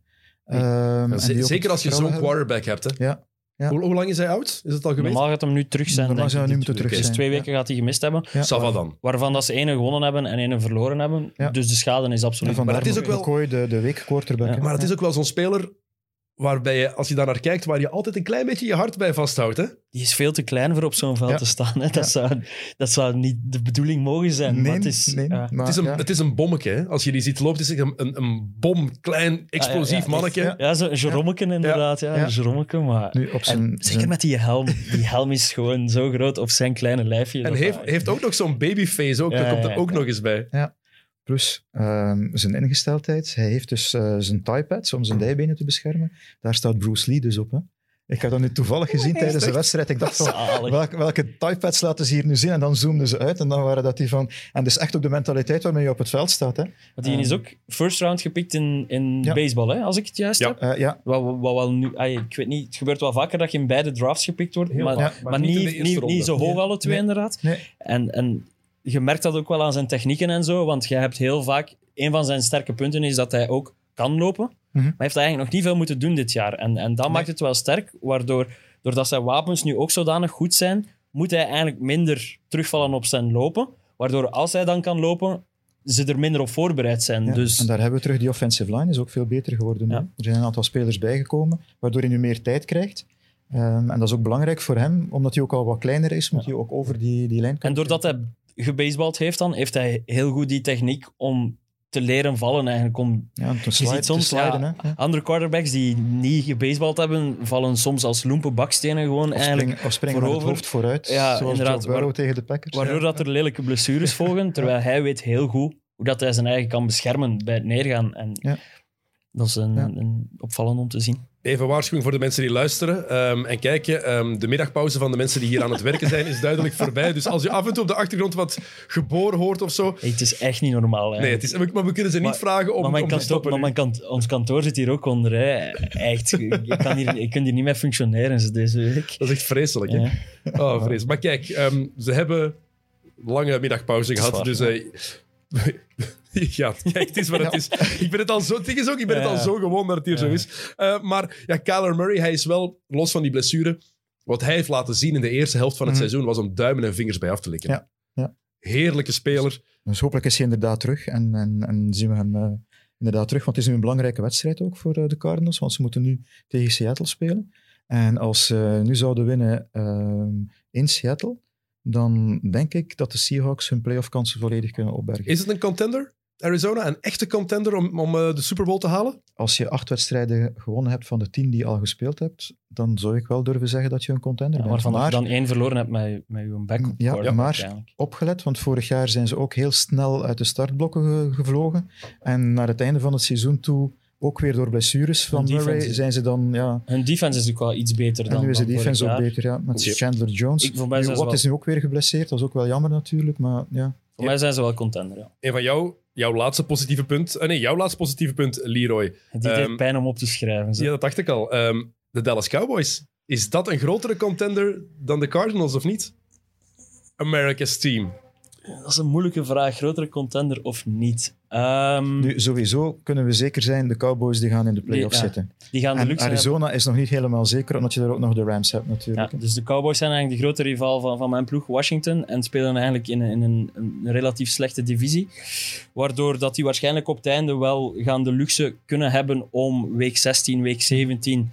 Wat ook niet altijd positief is natuurlijk, maar wel tijd gaan hebben om mensen die met kwaaltjes zitten, die tijd te geven om die te laten terugkeren. Wat dat ze dan wel in de playoffs eh op gezondheidsvlak een voordeel zou moeten kunnen bieden. Maar het is ook al vaak gebleken in het verleden dat dat soms wel uw winning moet wat kan verbreken, waardoor het dat dan ideaal is om het momentum te waar doen. eh daar is het over momentum. kan op die manier gebroken worden. op dat vlak is het inderdaad zeker een, een momentumsport. Maar jij had het in de seizoenspreview gezegd van als de, als de Dallas Cowboys hun defense er kan staan dit jaar, ehm, gaan ze een gevaarlijke outsider zijn eh, richting Super Bowl toe. En, en Dan Quinn is daar dan inderdaad toegekomen. En eh, die moest dit weekend tegen zijn ex-ploeg spelen, waar dat hij ontslagen is als headcoach. Eh, de Atlanta Falcons. En eh, ja, die heeft die defensief echt vernederd eigenlijk. Eh wat hadden ze? Drie punten, denk Ja, ik, de 43. Falcons? Het was 28-3 weer, hè? Ja, ja. Ze hebben was het- echt 28-3. Ja, ja, ja. Nee, nee, Ah, nee, nee. nee. Ja, toch? Want ze hebben, het ook, ze hebben het ook zelf getweet ook. Dacht ik, de, de, Ja, ja, het was 28-3, ja. de, Maar, de, de Falcons die tweeten zelf Ja. met die score gewoon, we know. Echt, was echt 28-3. maar, maar, het is, maar het heeft niet lang geduurd. Nee, nee, nee, ik weet er maar was, is er was even- iemand, er was iemand bij Football Outsiders die het ook ging noteren. En voor hij zijn post kon zetten, was het al 35-3, omdat er een punt geblokt werd en terug Maar de Falcons zelf hebben het wel getweet, Ja. vond ik heel goed. Vooral met die score en dan, we know. Kijk, Drie- 43-3 was de eindstand. dat, is, dat, is, dat is echt, dat is echt Ja, vreselijk. waar je ook bij moet zeggen dat bij een vierde poging en één, dat Prescott nog voor een touchdown gelopen Eh. heeft. hè, bij, of bij, bij een third, fourth Ja, want Dak Prescott, de quarterback van de, van de Cowboys, na Kyler Murray, misschien de beste quarterback dit seizoen? Of misschien naast Kyler Murray? ik hoor heel veel van. Je had het dan net over Manning en zo. En, en, en andere quarterback-analysten die, die hem vergelijken met Peyton Manning. Mhm. In die zin dat eh Dak Prescott ook supergoed is in wat, wat Mahomes dan minder goed in is, in het lezen van die defensie. Ja. Dus hij ziet wat hij voor zijn neus krijgt en hij slaagt er perfect in om, ik zeg maar iets, oei, nu moeten we even switchen naar een runplay. Of oké, nu ziet het er zo uit, eh, man coverage, we gaan op die manier... Een, ho kunnen we- een hoog voetbal-IQ. ja, die snapt, Het, die snapt het goed, waardoor dat... het Zijn, allee, de, de helft van uw wedstrijd wordt eigenlijk gewoon ook voordat, dus, voordat er gespeeld wordt. En dat is, denk ik... Dat ziet er minder flashy uit als je naar highlights of zo kijkt. Maar dat is ook wel een, een groot deel van de rol van, van, een, van een quarterback. Blessurevrij is hij. Laten we ons hopen dat dat zo blijft voor de Cowboys. Maar vorig jaar ook uitgevallen met een Ja, blessure. echt wel een match gemist al, hè? Eén en ook. Eh, Ja. ja. Dus ja, dat, is Ja. Wel, dat is wel altijd... Ja. Maar we hopen daar gewoon voor, voor iedereen op. Hè. Voor de, de playoffs, om zoveel mogelijk goede ploegen te hebben. Ja. Oké, we hebben jullie bijna al jullie punten. Jouw laatste punten ga ik voor het einde houden, Jurgen. Eh, Want ik wil even nog een paar ehm, quick hits doen, een beetje rapid fire. Ik heb wat ploegen nog opgeschreven, een paar eh, puntjes. Want ja, we kunnen moeilijk iedereen overlopen. Dan zitten we hier morgenavond nog altijd. Wat geen probleem zou zijn. Nee, maar kijk, ik denk dat we dan een paar luisteraars... eh, ze- maar dat we niemand meer zouden overhouden. dat is eigenlijk Ja, heel dat simpel. denk jij. eh. Ehm, de LA Rams hebben zeven van hun tien matchen gewonnen en is een ploeg die er alles aan gedaan heeft om zich te versterken. Ze hebben Odell Beckham Jr. binnengehaald. Ehm, de heel bekende wide receiver, die eigenlijk al jaren niet meer presteert. Die teert op één highlight, moeten we heel eerlijk in zijn. Die ene waanzinnige catch bij de Giants. Het is niet dat hij bij de Cleveland Browns zoveel geweldige dingen heeft laten zien. Die ehm, zijn weg naar buiten heeft geforceerd. Door uitspraken van zijn vader. Zijn vader Een social post van zijn vader. Post, zijn ja. vader heeft een montage laten maken met al de keren dat de quarterback niet naar hem gepast heeft op momenten dat hij wel vrij stond om een pas te krijgen. En, en je zou Dat is kunnen- vaderliefde. Ja, je- dat zou je kunnen zeggen. Maar aangezien Odell Beckham Jr. er zelf niet tegen in is gegaan, dat wil eigenlijk wel iets zeggen. Tenminste, dus de Browns hebben hem laten gaan, is opgepikt door de Rams, dus hebben hun sterke ploeg, het was een goede ploeg, nog versterkt. En ze hebben getrade voor Von Miller, nog een hele grote naam in de NFL, die een ploeg beter zou moeten maken, op papier. Heb je dan die meme gezien? Want Van Miller zelf. nee, nee, nee. Odell Beckham Jr. komt bij de Rams. Ja. De tweede wide receiver, Robert Woods, die valt dan uit met een knieblessure. En dan is er een meme geweest. Tonya Harding, Nancy Kerrigan. Ja, ja, waaronder stond Het zijn die Robert schaatsers, Woods bij Kerrigan. En OBJ's dad onder eh, Kerrigan. Eh, onder eh, Tonya Harding. dat Dus, is eh, heel, heel, ja. ja. dat is heel recent. Is er zoiets gebeurd bij de vrouwen van PSG, hè? Ja, ja, ja, oh, Ja. een zot verhaal. Ja, Wat is dat? Nu is Erik Abidal zijn vrouw daarbij betrokken dus misschien. ze hebben die Ja. iemand in een... In, in In een de auto, twee mannen met ijzeren staven hebben een, eh, een, een wagen eh, proberen aan- eh, een, een wagen een tegen eigenlijk. Waar een speelster in zat van PSG. Een concurrent. Ja, denken ze maar. Nu zou, zij zou blijkbaar ook iets gehad hebben met Erik Abidal. En de vrouw van Erik Abidal, want de aanvallers zouden gezegd hebben, je moet van getrouwde mannen blijven. Dus nu worden die onderzocht. Zwat, dat is, dat is iets helemaal anders. Daar gaan we niet op nee, ingaan. we hadden het dus over de Rams. ja, de Rams. Kijk, voilà. Nu, de Rams is nu typisch zo'n team dat effectief voor het nu gaat en eigenlijk ook niet gelooft. En daarom doen ze ook die trades naar Von Miller en naar OBJ. Ehm, ze geloven niet in de draft. Want zij hebben liever, of ze geven hun draftpicks af voor spelers die zichzelf al bewezen hebben in de NFL. In plaats van te moeten betalen en die draft te gebruiken voor spelers die het nog allemaal moeten bewijzen. En voorlopig krijgen ze gelijk, want dat is ook de reden waarom ze Matthew Stafford bij de Lions gehaald hebben. Ze willen het nu doen. En de, man die daar heel goed bij vaart bij Matthew Stafford in het team, dat is Cooper Cup, de wide receiver, die eigenlijk alle records wat eh, passing yards en catches en zo aan Flarden aan het spelen is. Dus ik denk wel, dat nu met die verdediging van Miller die er nog eens bij komt, ze hebben ook al Aaron Donalds. Ja, het is toch wel iemand of een team dat, eh, dat ik toch wel in de, in de playoffs zie geraken. Voor, Is voor dat niet zo'n beetje... Voor mij heeft het een beetje opletten dat het niet overhelt Ja. naar, naar wat de LA Lakers bijvoorbeeld aan het doen zijn. Wat er dan. vroeger al zo vaak gebeurd is. Met de Lakers hebben een tijd, toen ze Kobe en Shaq hadden, hebben ze Gary Payton en Karl Malone proberen binnen te halen in hun ouder, eh, op hun oudere dag. Waardoor dat, Altijd gevaarlijk. waardoor dat balans misschien Ja. een beetje ten, eh, ten koste van een balans gaat, waardoor dat je te veel sterren hebt en dan te weinig van uw, uw middelmaat van uw ploeg te weinig stevig is. Ik denk dat we, want die hebben wel een ferme upper, uppercut gekregen hè, deze week tegen San Francisco. Ja. En ehm, San Francisco is een van die ploegen die, net als de Titans dan, die heel stevig gebouwd is, die het echt op fysiek spel heeft. En die hebben wel echt gewoon... Von Miller is daarin rondgegooid hè, door George Kittle. eh, dus ik weet niet. Ik begin er een beetje voor te vrezen voor de Rams. Maar voor de Rams zelf, met de moves die ze gemaakt hebben, is het Super Bowl or bust. Ja. Dat lijkt me Ja, ja, dat. Eh, andere ploeg die ook de Super Bowl wil halen, de Buffalo Bills, met een van de MVP-kandidaten. Is het nog altijd zo? Josh Allen, het leek heel even zo, maar hij heeft geweldige wapens. Natuurlijk, eh, als wide receivers heeft daar Dix, Knox, Sanders, Beasley. Mhm. Dus genoeg waar hij naar kan gooien. Maar ze hebben al wel drie van hun negen matchen verloren. Ja, één mindere, één mindere wedstrijd gespeeld. En juist in die wedstrijd hadden ze hem nodig tegen Jacksonville. Die verliezen ze dan met 9-6. Terwijl die vrij simpel te winnen was geweest. Ja, eigenlijk Ja. wel.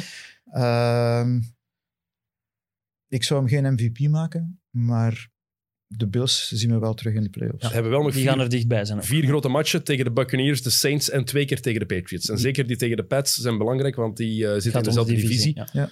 Dus die gaan heel cruciaal worden. Ik zeg wel dat die eh, zeker conference final halen eigenlijk. Als het klikt, vind ik de Bills wel een hele leuke ploeg om naar te kijken. Ja. En ik ben fan van Josh Allen. Ik weet niet waarom. Die gast heeft iets. Een beetje Het magie. is ook, ook een beetje underdog verhaal. Hè? Ze hebben hem wel. ook allemaal afgeschreven. En ook gewoon Buffalo fans zijn, zijn loco. Dus Ja. go Ja. Buffalo. Ik De- wil mensen op tafel zien springen. Dat is. De Bills Mafia. Ja. Die willen inderdaad Ja, mensen op tafels kapot zien springen. altijd vet. Ja, altijd. En nog zo'n gast waar ik eigenlijk heel graag naar keek, maar waar ik me van afvraag wat ermee gebeurd is, Justin Herbert. Wat is er aan de hand met de Chargers? Die mannen hebben vijf van hun negen matchen gewonnen voorlopig. Vooral drie van de laatste vier verloren, want het begon fantastisch. En dan is het moeilijker geworden. En zij moeten nu zondag tegen de Steelers spelen. Grote concurrent uit de AFC. Ze kunnen daar maar beter van winnen. Eh, Het verhaal Ga- van de tape weer. game tape is heel snel begonnen. Ehm, Ze weten wat ze, de Ze weten- weten wat ze moeten ze verwachten. weten wat zijn sterke punten zijn, ze weten wat er verwacht kan worden en daar wordt dan op ingespeeld.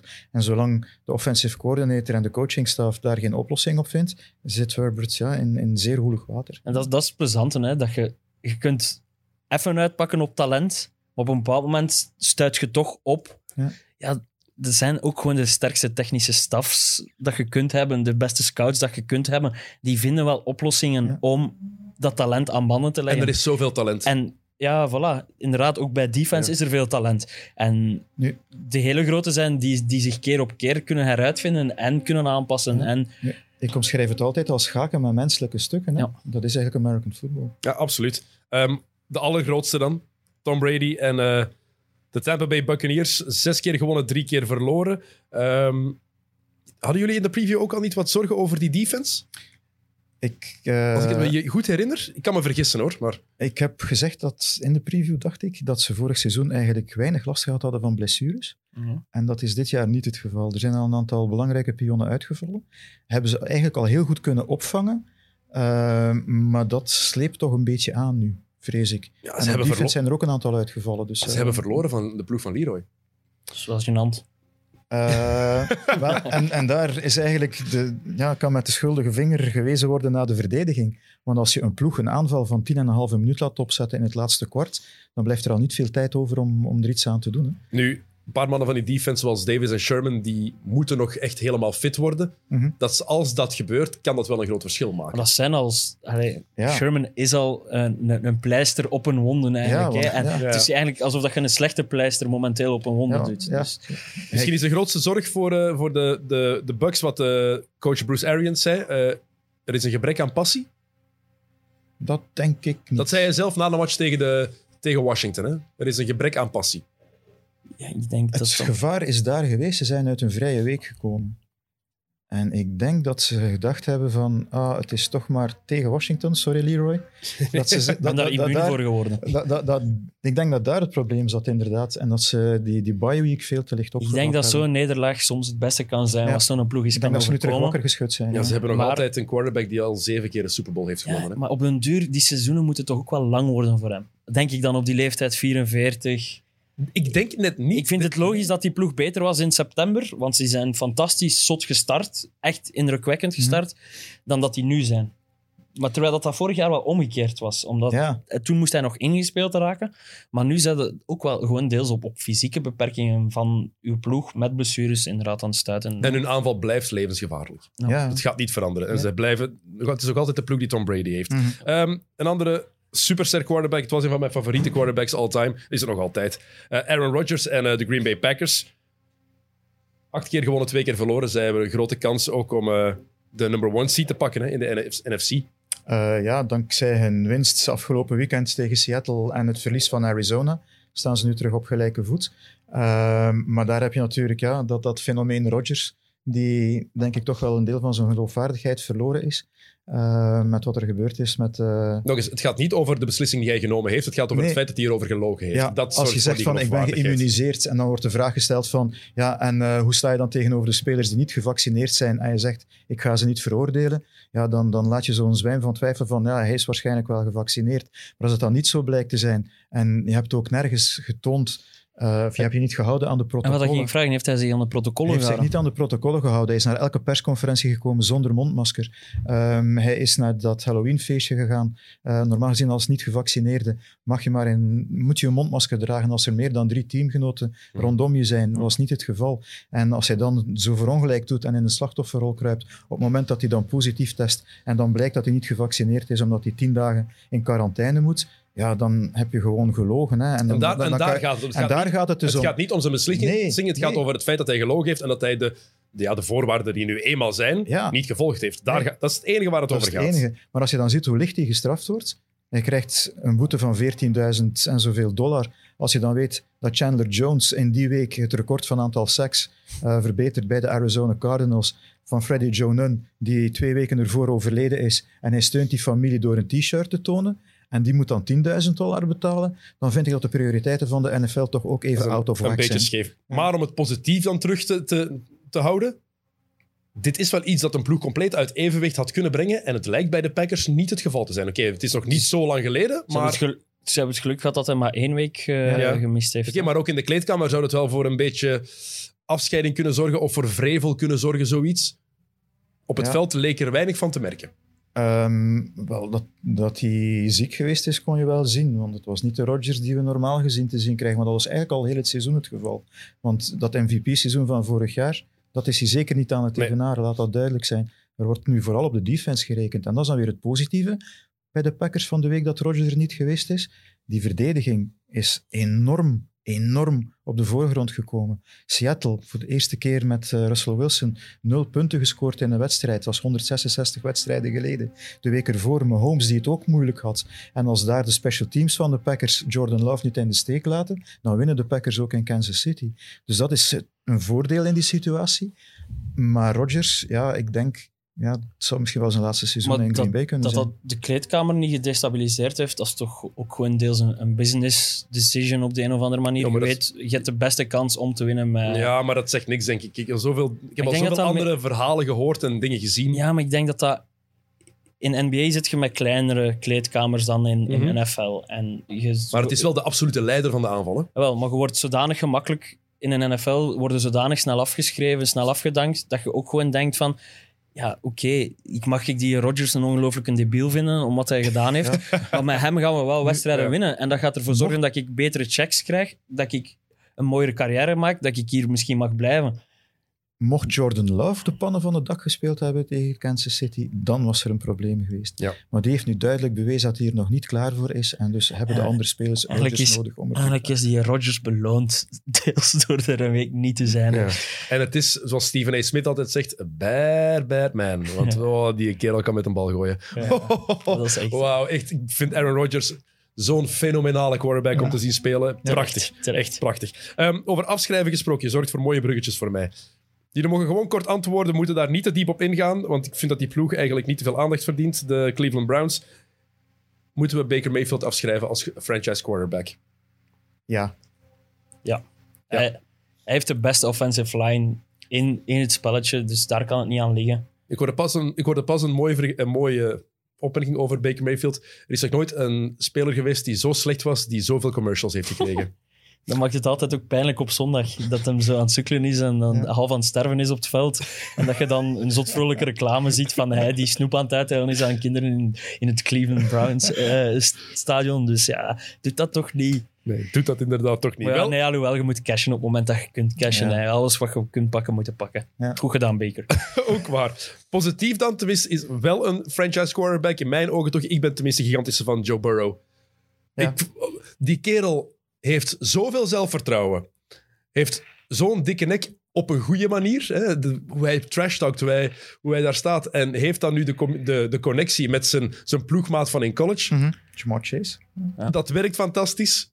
Die vinden elkaar. Ik haat de shirts van de Bengals. Ah, die helmaat. Dat is echt Vreselijk, hatelijk. Ja, ik vind dat net een mooie. Nee. Oh, nee. Want je hebt de. Memphis Tigers in college. Die dat is blauw. met een variant blauw met witte strepen. Ja. Dus, eh, ja. Dat is beter. Nee, en een jaar geleden had hij gewoon geen knie meer. Hè. Allee. Nee. Ik En- moet ook altijd aan Frosties denken als ik die Ja, oh, Tony the Tiger. Ja, ja. Heel goed, heel goed. Heel goede vergelijking. Altijd denk Dat ik daaraan. echt, ja. Vreselijk, sorry. Die- vergelijking. je was bezig over die... Ja, die had een jaar geleden geen knie meer, Joe Burrow. En die- Had geen knie meer. Ja, bij- Nee, ja, er echt? niet veel meer aan elkaar. Ik denk dat alles wat je er kunt scheuren, gescheurd was. Eh, en die was sneller terug dan verwacht. Ehm Preseason was stroef.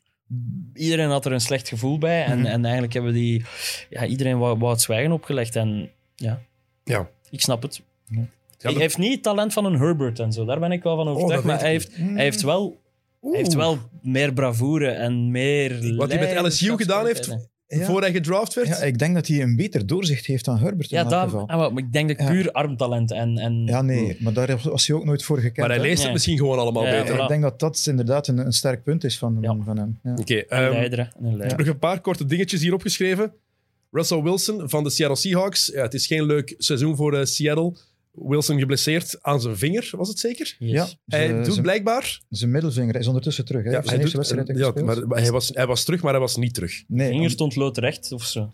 nee, Hij heeft blijkbaar Ja, 19 uur rehab per dag gedaan. Ja, 19 tot 20 uur. Moet ja. die mensen niet slapen? Ehm, Allee, en wat doet hij dan ook? Om, Niet elke dag, hè? Ja, dat is er wel bij eh, gezegd. Maar ik- sommige, sommige dagen 19 tot 20 stond erbij. maar daar scheelt iets mee met die Russell Wilson. Ja, dat is een halve robot. Die, die, die traint elke dag, behalve op kerstdag. Waar, waar, waar, miljoen mensen mee aan het jaar lachen? uit. Dat Ja. er met zo'n, met zo'n dumbbell van, van, van 10 gram zo op die middenvinger aan, het tra- aan het trainen Nee, was. maar, maar die, Ja, dok, dat die is ook dokter echt een vinger, hè. revalideren. Een vinger, Ah, ja. 19 uur. Wat moet je 19 uur doen om een vinger te revalideren? Maar je, die- kunt, je kunt echt baantjes trekken of zo. In, in een schaar. Schaar. Dan strak knippen. Zo M&M's tot snel op elkaar. Zotte Ja. ja. Nu, volgens de, de chirurg die hem geopereerd heeft, is het de zwaarste vingerblessure die hij ooit gezien heeft bij een NFL. Maar dat, be- die, die vinger stond loodrecht of zo. Allee. Maar wat het probleem was, hij was op twee plaatsen gebroken. ehm, en ook de, de strekpees van die vinger was door. Dus dat wil zeggen dat hij... Want Oh. hij, hij was ook ontwricht. Horror. Want tijdens de wedstrijd waarin het gebeurd is tegen de Rams, hebben ze hem terug op zijn plaats getrokken en dacht hij van verder te kunnen spelen. Maar het feit dat die strekpees over was, maar je hebt die middelvinger ook nodig om die bal te leiden. Ik en daar had hij dus ook nog last van. Welke vinger was het? En was het efficiënter geweest om gewoon die vinger af te zetten? Nee, nee, nee. Als, als hij dan 19 uur... Als, Nee. en de, en de alle vijf uw vingers zijn die alle Ja. vijf even belangrijk bij het gooien van een bal. Misschien Ja, als je daardoor je 19 uur per dag moet werken. Nu let op, er is ooit iemand, er is een speler geweest die zijn pink heeft laten amputeren. hè? Pierre Paul? Of Nee, niet? Ronnie Lot. Ah, Pierre Paul heeft het door vuurwerk laten afschieten. Ja, ja, maar Ronnie. Lot tijdens het seizoen, geblesseerd, die pink lag helemaal de top. Die hebben hem Gewoon- laten afzetten En voilà, zie, om dan de volgende wedstrijd terug mee te kunnen spelen. Maar die moest de bal wel niet gooien Ja, natuurlijk. dat is hè. maar wel een efficiënte oplossing. Ja. Maar voor de quarterback misschien niet Nee. aan te Nee. raden. Laatste quarterback die ik ga vernoemen. Cam Newton is terug bij de Panthers. I'm back. En hoe? En hoe? Ja, het gaat niks opleveren voor de Panthers, hè? maar het is tof. Tof verhaaltje. Pas op. Pas op. Ah, nee, jong. Dat is een... Nee, Ik had dat als, ook als optie bij teleurstelling opgeschreven, de Panthers, omdat Sam Darnold daar volledig door de mand gevallen is als QB. Ja. Terwijl de, alle de rest aan die ploeg klopt wel 100%. Er zijn supergoeie wapens. DJ Moore is een top receiver. McCaffrey is, McCaffrey wel weer geblesseerd geweest al, hè? Ja, ze hebben ook een terugval gehad op het moment dat McCaffrey uitgevallen is. Hè. Hij hangt hier nu, nu achter, maar... ehm, Nu speelt ja. hij weer, hè? maar Ja. het is Ja, nog niet 100% terug. denk ik. Maar, en ook die defense staat er. Dus als, als Cam gewoon kan doen, zich de, de fouten beperken en nu en dan eens eh, een bal binnenlopen en gewoon...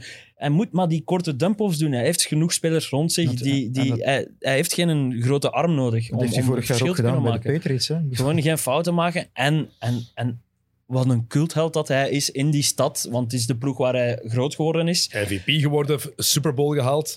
Of zo, ik, ik las verhalen dat kinderen op... Want hij had nu, nadat hij zijn touchdown gescoord had, zijn eerste, zo in de camera heel I'm back, I'm back geroepen. Blijkbaar alle kinderen op de speelplaats de maandag in, in eh, wat is dat dan? Charlotte is dat? Ja? Charlotte, ja. Ja. Eh, al de kinderen daar op de speelplaats, allemaal I'm back, I'm back. Wel een boete voor gekregen, hè? Ja, ja. Omdat hij die helm heeft Maar afgedaan. sommige Ja. boetes zijn het gewoon waard. hè. We hebben wel het er al over gehad. Hè. Ja, ja, voilà. Ja, kijk. ehm, er is nog één negatief ding dat ik opgeschreven heb, maar ik weet niet of we het daar echt over moeten hebben. Ehm, de Las Vegas Raiders, wat daar gebeurd is. Alles. Gruden. Ja. Er is het verhaal Ruggs trouwens ook nog.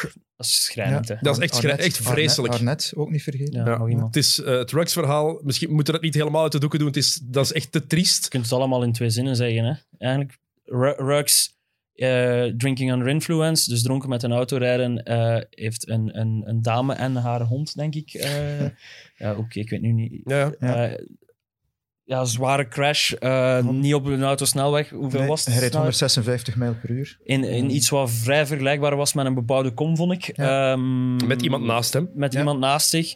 eh, en dus te veel gedronken. Een first round pick vorig jaar doet er allemaal niet meer toe. Die zijn leven. Ik heb daar, dat is vreemd misschien om te zeggen, maar ik heb daar ook deels medelijden mee. Omdat het is super stom. Wat, en ik weet dat het voor voor u zeker Mhm. gevoelig ligt. Super stom wat hij gedaan heeft. Echt belachelijk. Je kunt het op geen enkele manier. Maar er zijn, op dat moment zijn er twee. De persoon die doodgereden is, is, is uiteraard leven kwijt. En de mensen daar rond ook. En hij is zelf ook zijn leven Ja, kwijt. kijk. En hij is de verantwoordelijke ervoor. Kruip, simpel is kruip niet achter het stuur als je te veel gedronken is. nee. Heel simpel. Inderdaad, je zegt dat voor mij ligt het extra gevoelig. Ja, ja. Mijn pers- persoonlijke situatie, maar doe je niet. en, het voilà. is, kunt en de vrouw is inderdaad overleden. En hij heeft ook nog eens het, het leven in gevaar gebracht van de vrouw die naast hem zat. Het is, hij eh, is ge- ontslagen door zijn ploeg. praten. Was een hele goede speler. Dus het is sportief een gigantisch gemis. Maar kijk, dit zijn nu eenmaal de gevolgen die je dan eh, Ja, moet dragen. Met, ze hadden twee keuzes in de eerste ronde dat jaar. En Arnett, de andere, die is ook al bedankt voor bewezen diensten. Want die had een TikTok-filmpje opgenomen waarbij iemand aan het bedreigen was met een wapen aan het zwaaien was en Echt? dergelijke.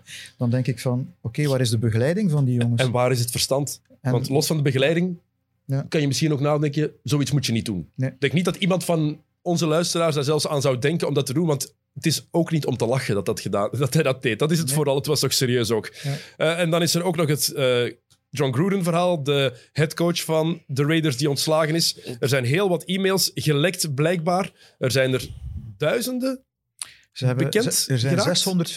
650.000 e-mails onderzocht in het onderzoek naar Washington voetbalteam, wat daar gebeurd is. Daar zijn we wel Ehm, goed in, in zo'n loesje ja. ding. Ja, Ja.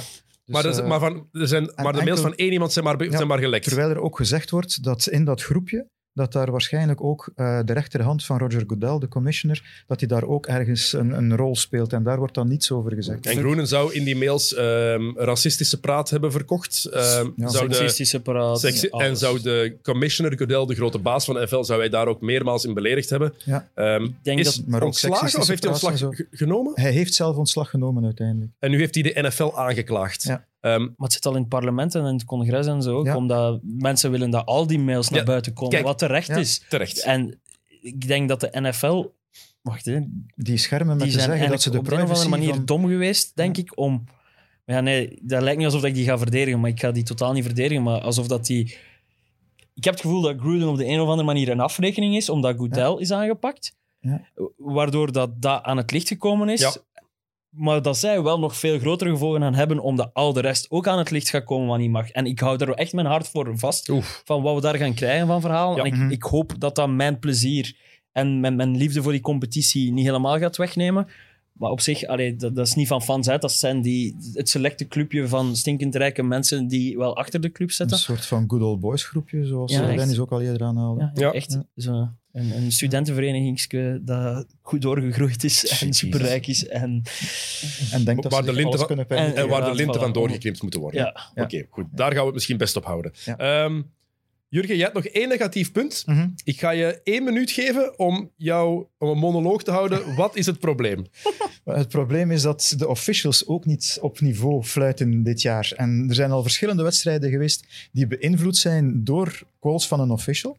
Ik weet, ze zijn niet perfect. Niemand is perfect. Maar meestal is het zo in een wedstrijd dat dat in evenwicht komt en dat dat ook op een, de loop van een seizoen dat dat in evenwicht getrokken wordt, dat je eh, beslissingen voor krijgt, beslissingen tegen krijgt. Maar nu zijn er al zulke flagrante dingen gebeurd dat ik denk van, moet hier ook eens niet ingegrepen worden? Wordt het geen tijd om net zoals die American footballspelers professionals zijn, om ook van al deze officials ook professionele te maken en hen ook 24 uur per dag.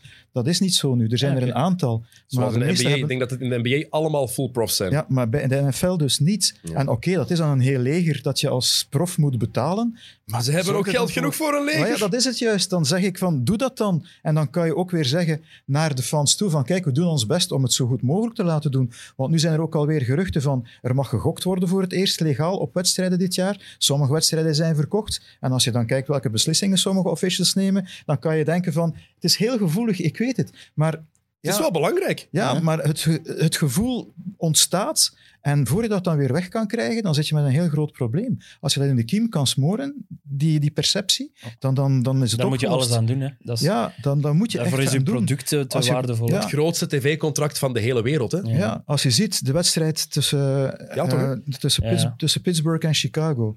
We hebben het nog niet over de tauntingregel gehad, want dat is ook weer iets dat, Ja. dat uit, zijn Oh. barsten, uit zijn, zijn voegen gebarsten is. Oké, dat je iemand niet uitdaagt op het veld omdat er dan gevechten kunnen ontstaan. Ja, maar dan nog, er zijn bepaalde niveaus dat je dat doet. En als je naar die ergste ingrijpt, oké, dan dat begrijp ik. Maar nu- iemand die gewoon van op, van, van op de middenlijn, die gewoon zich keert naar een zijlijn en die dan kijkt en zo een pose aanneemt, en dan een official die, ze zeggen dat het niet met opzet was, maar ik zie hem uit zijn Ja. ooghoek kijken naar Cassius March, dat hij naar hem toegestapt komt en dan die official, de referee dan nog, die draait zich om zodanig dat hij met zijn heup de speler raakt en dan gooit hij heel ostentatief die vlag. Dus als, Dat kan niet. dus als dat ik u verneder in een play, Dennis, mag ik, mag ik niet meer doen naar u bijvoorbeeld van, gezien wat ik gedaan heb? Of ik, ik als jij mij vernedert op een Ja. play, mag je zeggen wat je voilà, wilt. Trash dat- talk hoort erbij. Maar da- daar, Ja. daarom kijken we toch naar die sport. Je- je- voor die emoties, voor die verhalen. Wij willen geen robots zien, anders Tuurlijk kijken we naar een computerspel. Tuurlijk, je, je wil net die dingen zien. Je wil, Ja. Oké, het mag niet te persoonlijk worden, dat weet Ja, iedereen. er zijn bepaalde regels in, het- moet zijn niet- bepaalde regels in het trash talken.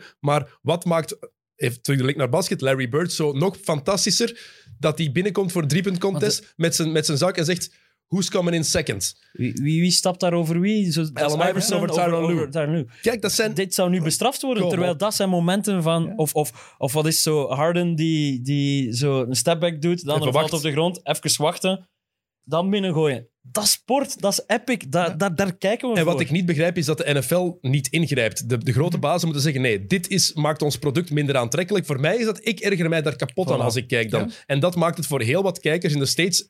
NF Zijn ze daar nog gevoeliger voor? Ja. NFL, de No Fun League, hè, wordt maar, gezegd. maar ik snap nee. niet dat ze niet nadenken: oeh, dit is niet zo goed voor ons product. Het belangrijkste van zo'n sport zijn de mensen die kijken. daar kan de NFL veel leren van de NBA, vind ik, op dat vlak. Ja. Absoluut. Ja. Oké, goed, om af te ronden. Nog de laatste vragen. Wie wordt MVP?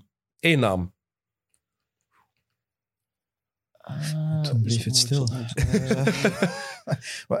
We hebben het al gehad over de Any Given Sunday. Er zijn zoveel Ja, spelers. maar ik wil één Er naam. wordt, er wordt echt niet iedere week op hetzelfde niveau Josh door iedereen. Kyler Murray? Ik kies... Kyler Murray. Oké. Ja.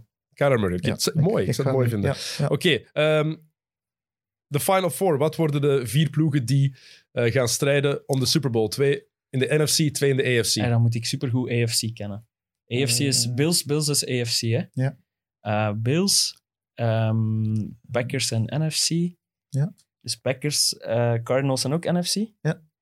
Dan zeg ik die twee NFC. Eh, wie is er nog goed in? de- Zijn Rams AFC? Nee, dat is NFC. Ook al, wie is Titans AFC? Titans is AFC. Nee, die gaan net te kort. Eh, anders moet ik nog raden welke ploegen nog in de AFC zitten. Dus Titans. Anders, Anders moet eh, Jurgen eerst zijn keuze maken. Ja, ja. ik zou zeggen Bills Chiefs in de AFC. Ah, Chiefs. Ehm, en Tampa Bay en Los Angeles Rams in de NFC. En dan wordt, wat wordt dan de Super Bowl? Eh, eh, Tampa Bay Buffalo. Denk ik. Tampa Bay Buffalo. Ja. Jouw Super Bowl? Eh, Green Bay eh, Buffalo. Allebei Buffalo. Ja. Dat is mooi. En wie wint hem? Of is dat te vroeg? Durf je dat nog niet voorspellen? Ze moeten eerst nog maken dat ze in de playoffs geraken. Als we dat, ik, Buffalo gewoon. Buffalo. Buffalo. Eh, zou mooi nee, zijn. Nee, nee, nee. Eh, dan zeg ik Tampa Bay. Oké. Als Miami Dolphin Nee, fan kan ik... weer. Als Miami. Dolphin fan Hoe kan ik... Nee, nee, sorry. ik, dacht wel- dat, ik ik heb- dacht dat jij niet de grootste eh, Tom Brady-lover was. Straks ga jij heel de weg naar de kust zitten vloeken. Ik heb gezegd dat hij een Tom Brady het spel weet. Heel de weg naar ik, huis. ik heb respect voor Brady. Ik ben geen echte Tom Brady fan, maar ik heb gewoon respect voor die man. Dat zou Je zet gewoon- dat, zou betekenen dat hij acht Super Bowls wint, hè? Ja. Acht. I know. Jurgen is gewoon zodanig gewoon van verliezen Ja. in tegen Brady betten dat hij het gewoon niet meer Ik, durft. ik heb het, op, ik heb Ja, het maar hij heeft opgegeven. een angstig man van u gemaakt. Ja, ik, heb het op, ik heb het opgegeven. Maar Oké. ik heb lang moeten twijfelen of ik ging zeggen opnieuw Tampa Bay, Kansas City. Maar, Dat is mooi. maar ik denk dat de Bills, die verdediging is te sterk. Ze zijn beter dan vorig jaar. Ja. En vorig jaar waren ze ook al eh, heel sterk. Ja. Eh, Leroy, je hebt nog iets te pushen? Eh, nee, ik denk het niet. Geen, kick and rush? Eh, nee, deze week was was, was Interland. Interland voetbal, dus geen kick and rush. Is er, eh, maar dat zal al voor ons misschien gepubliceerd worden. Ja, maar het is wel de moeite om nog eens te herbeluisteren. Als u die van Kevin De Bruyne nog niet beluisterd heeft, doe dat, Jurgen. De moeite om te beluisteren of te bekijken. Het was een, ik heb nog, De Bruyne nog nooit zo ontspannen gezien. Nee, het gebeurt niet vaak dat je iemand van dat niveau op de wereld zo open in gesprek krijgt als, als Kevin hier eigenlijk. Ja, en je zag het eerste kwartier was het misschien nog een klein beetje onwennig, maar dan was het ineens gedaan en zag je dat, het, dat, dat hij ontspannen was. Ja, ik vond het heel leuk om te zien. Eigenlijk, ontwapenend. Ja, heel, on- dat zocht ik inderdaad, dat woord ontwapenend. En dit keer, deze keer is het met Raja Nainggolan. Ja, definitie van ontwapenend. Ik denk niet dat hij een filter heeft. Nee, maar ik denk dat hij wel soms iets verder van de realiteit staat dan Kevin De Bruyne misschien. Niet? Ik heb, ik, de aflevering, we nemen dit op op woensdag, dus Ik hij moet ik heb nog, ik hem ook nog niet kunnen lu- beluisteren. Ik kom morgen pas online voor ons. Dus ik ben benieuwd. Ik vond hem alleszins heel eh, leuk in extra time. Dus dat kan alleen maar... eh, Ja, een plezante mens is sowieso. Maar... Sowieso, dat denk ik ook wel. Oké, mannen, bedankt dat jullie er waren vandaag. Mag ik ook iets pushen? Absoluut. Thanksgiving, 25 november. Eh, alle drie de wedstrijden worden uitgezonden op 11 en volledig. Dus we beginnen er al aan om 6.30 uur met eh, Chicago-Detroit. Dan om 10.30 uur de Las Vegas Raiders bij de Dallas Cowboys. Traditioneel Detroit en Dallas op Thanksgiving. En dan Buffalo tegen New Orleans. Eh, Welke dag in, in de, week is dat? Is dat altijd Donderdag. Donderdag. ja, dat is de dag waarop de Belgian Podcast Awards bekendgemaakt worden. Top, ik ga die een dag verlof nemen. dan. Ja, Ja. kijk. eh, en vergeet niet om voor XNO te stemmen op de Belgian Podcast Awards. Ons grote doel is heel duidelijk. We willen gewoon met Mit en Sam Kerkhoffs kloppen. Dat zou hilarisch zijn. Ik zou echt zo hard lachen gewoon. Je moet oppassen wat ik zeg. Het is- dat zijn hè. Dus het zou wel heel grappig zijn. Geef toe. ik vind vaak dingen grappig. En dat zou ik ook grappig vinden. Oké, goed. Iedereen bedankt om te luisteren. eh, of om te kijken, of om allebei te doen. Eh, volgende week zijn we normaal gezien terug. De gast ligt nog niet vast. Ik ben ermee bezig. Maar ehm, komt wel goed. Volgende week nieuwe XNO's. Tot dan. Salut.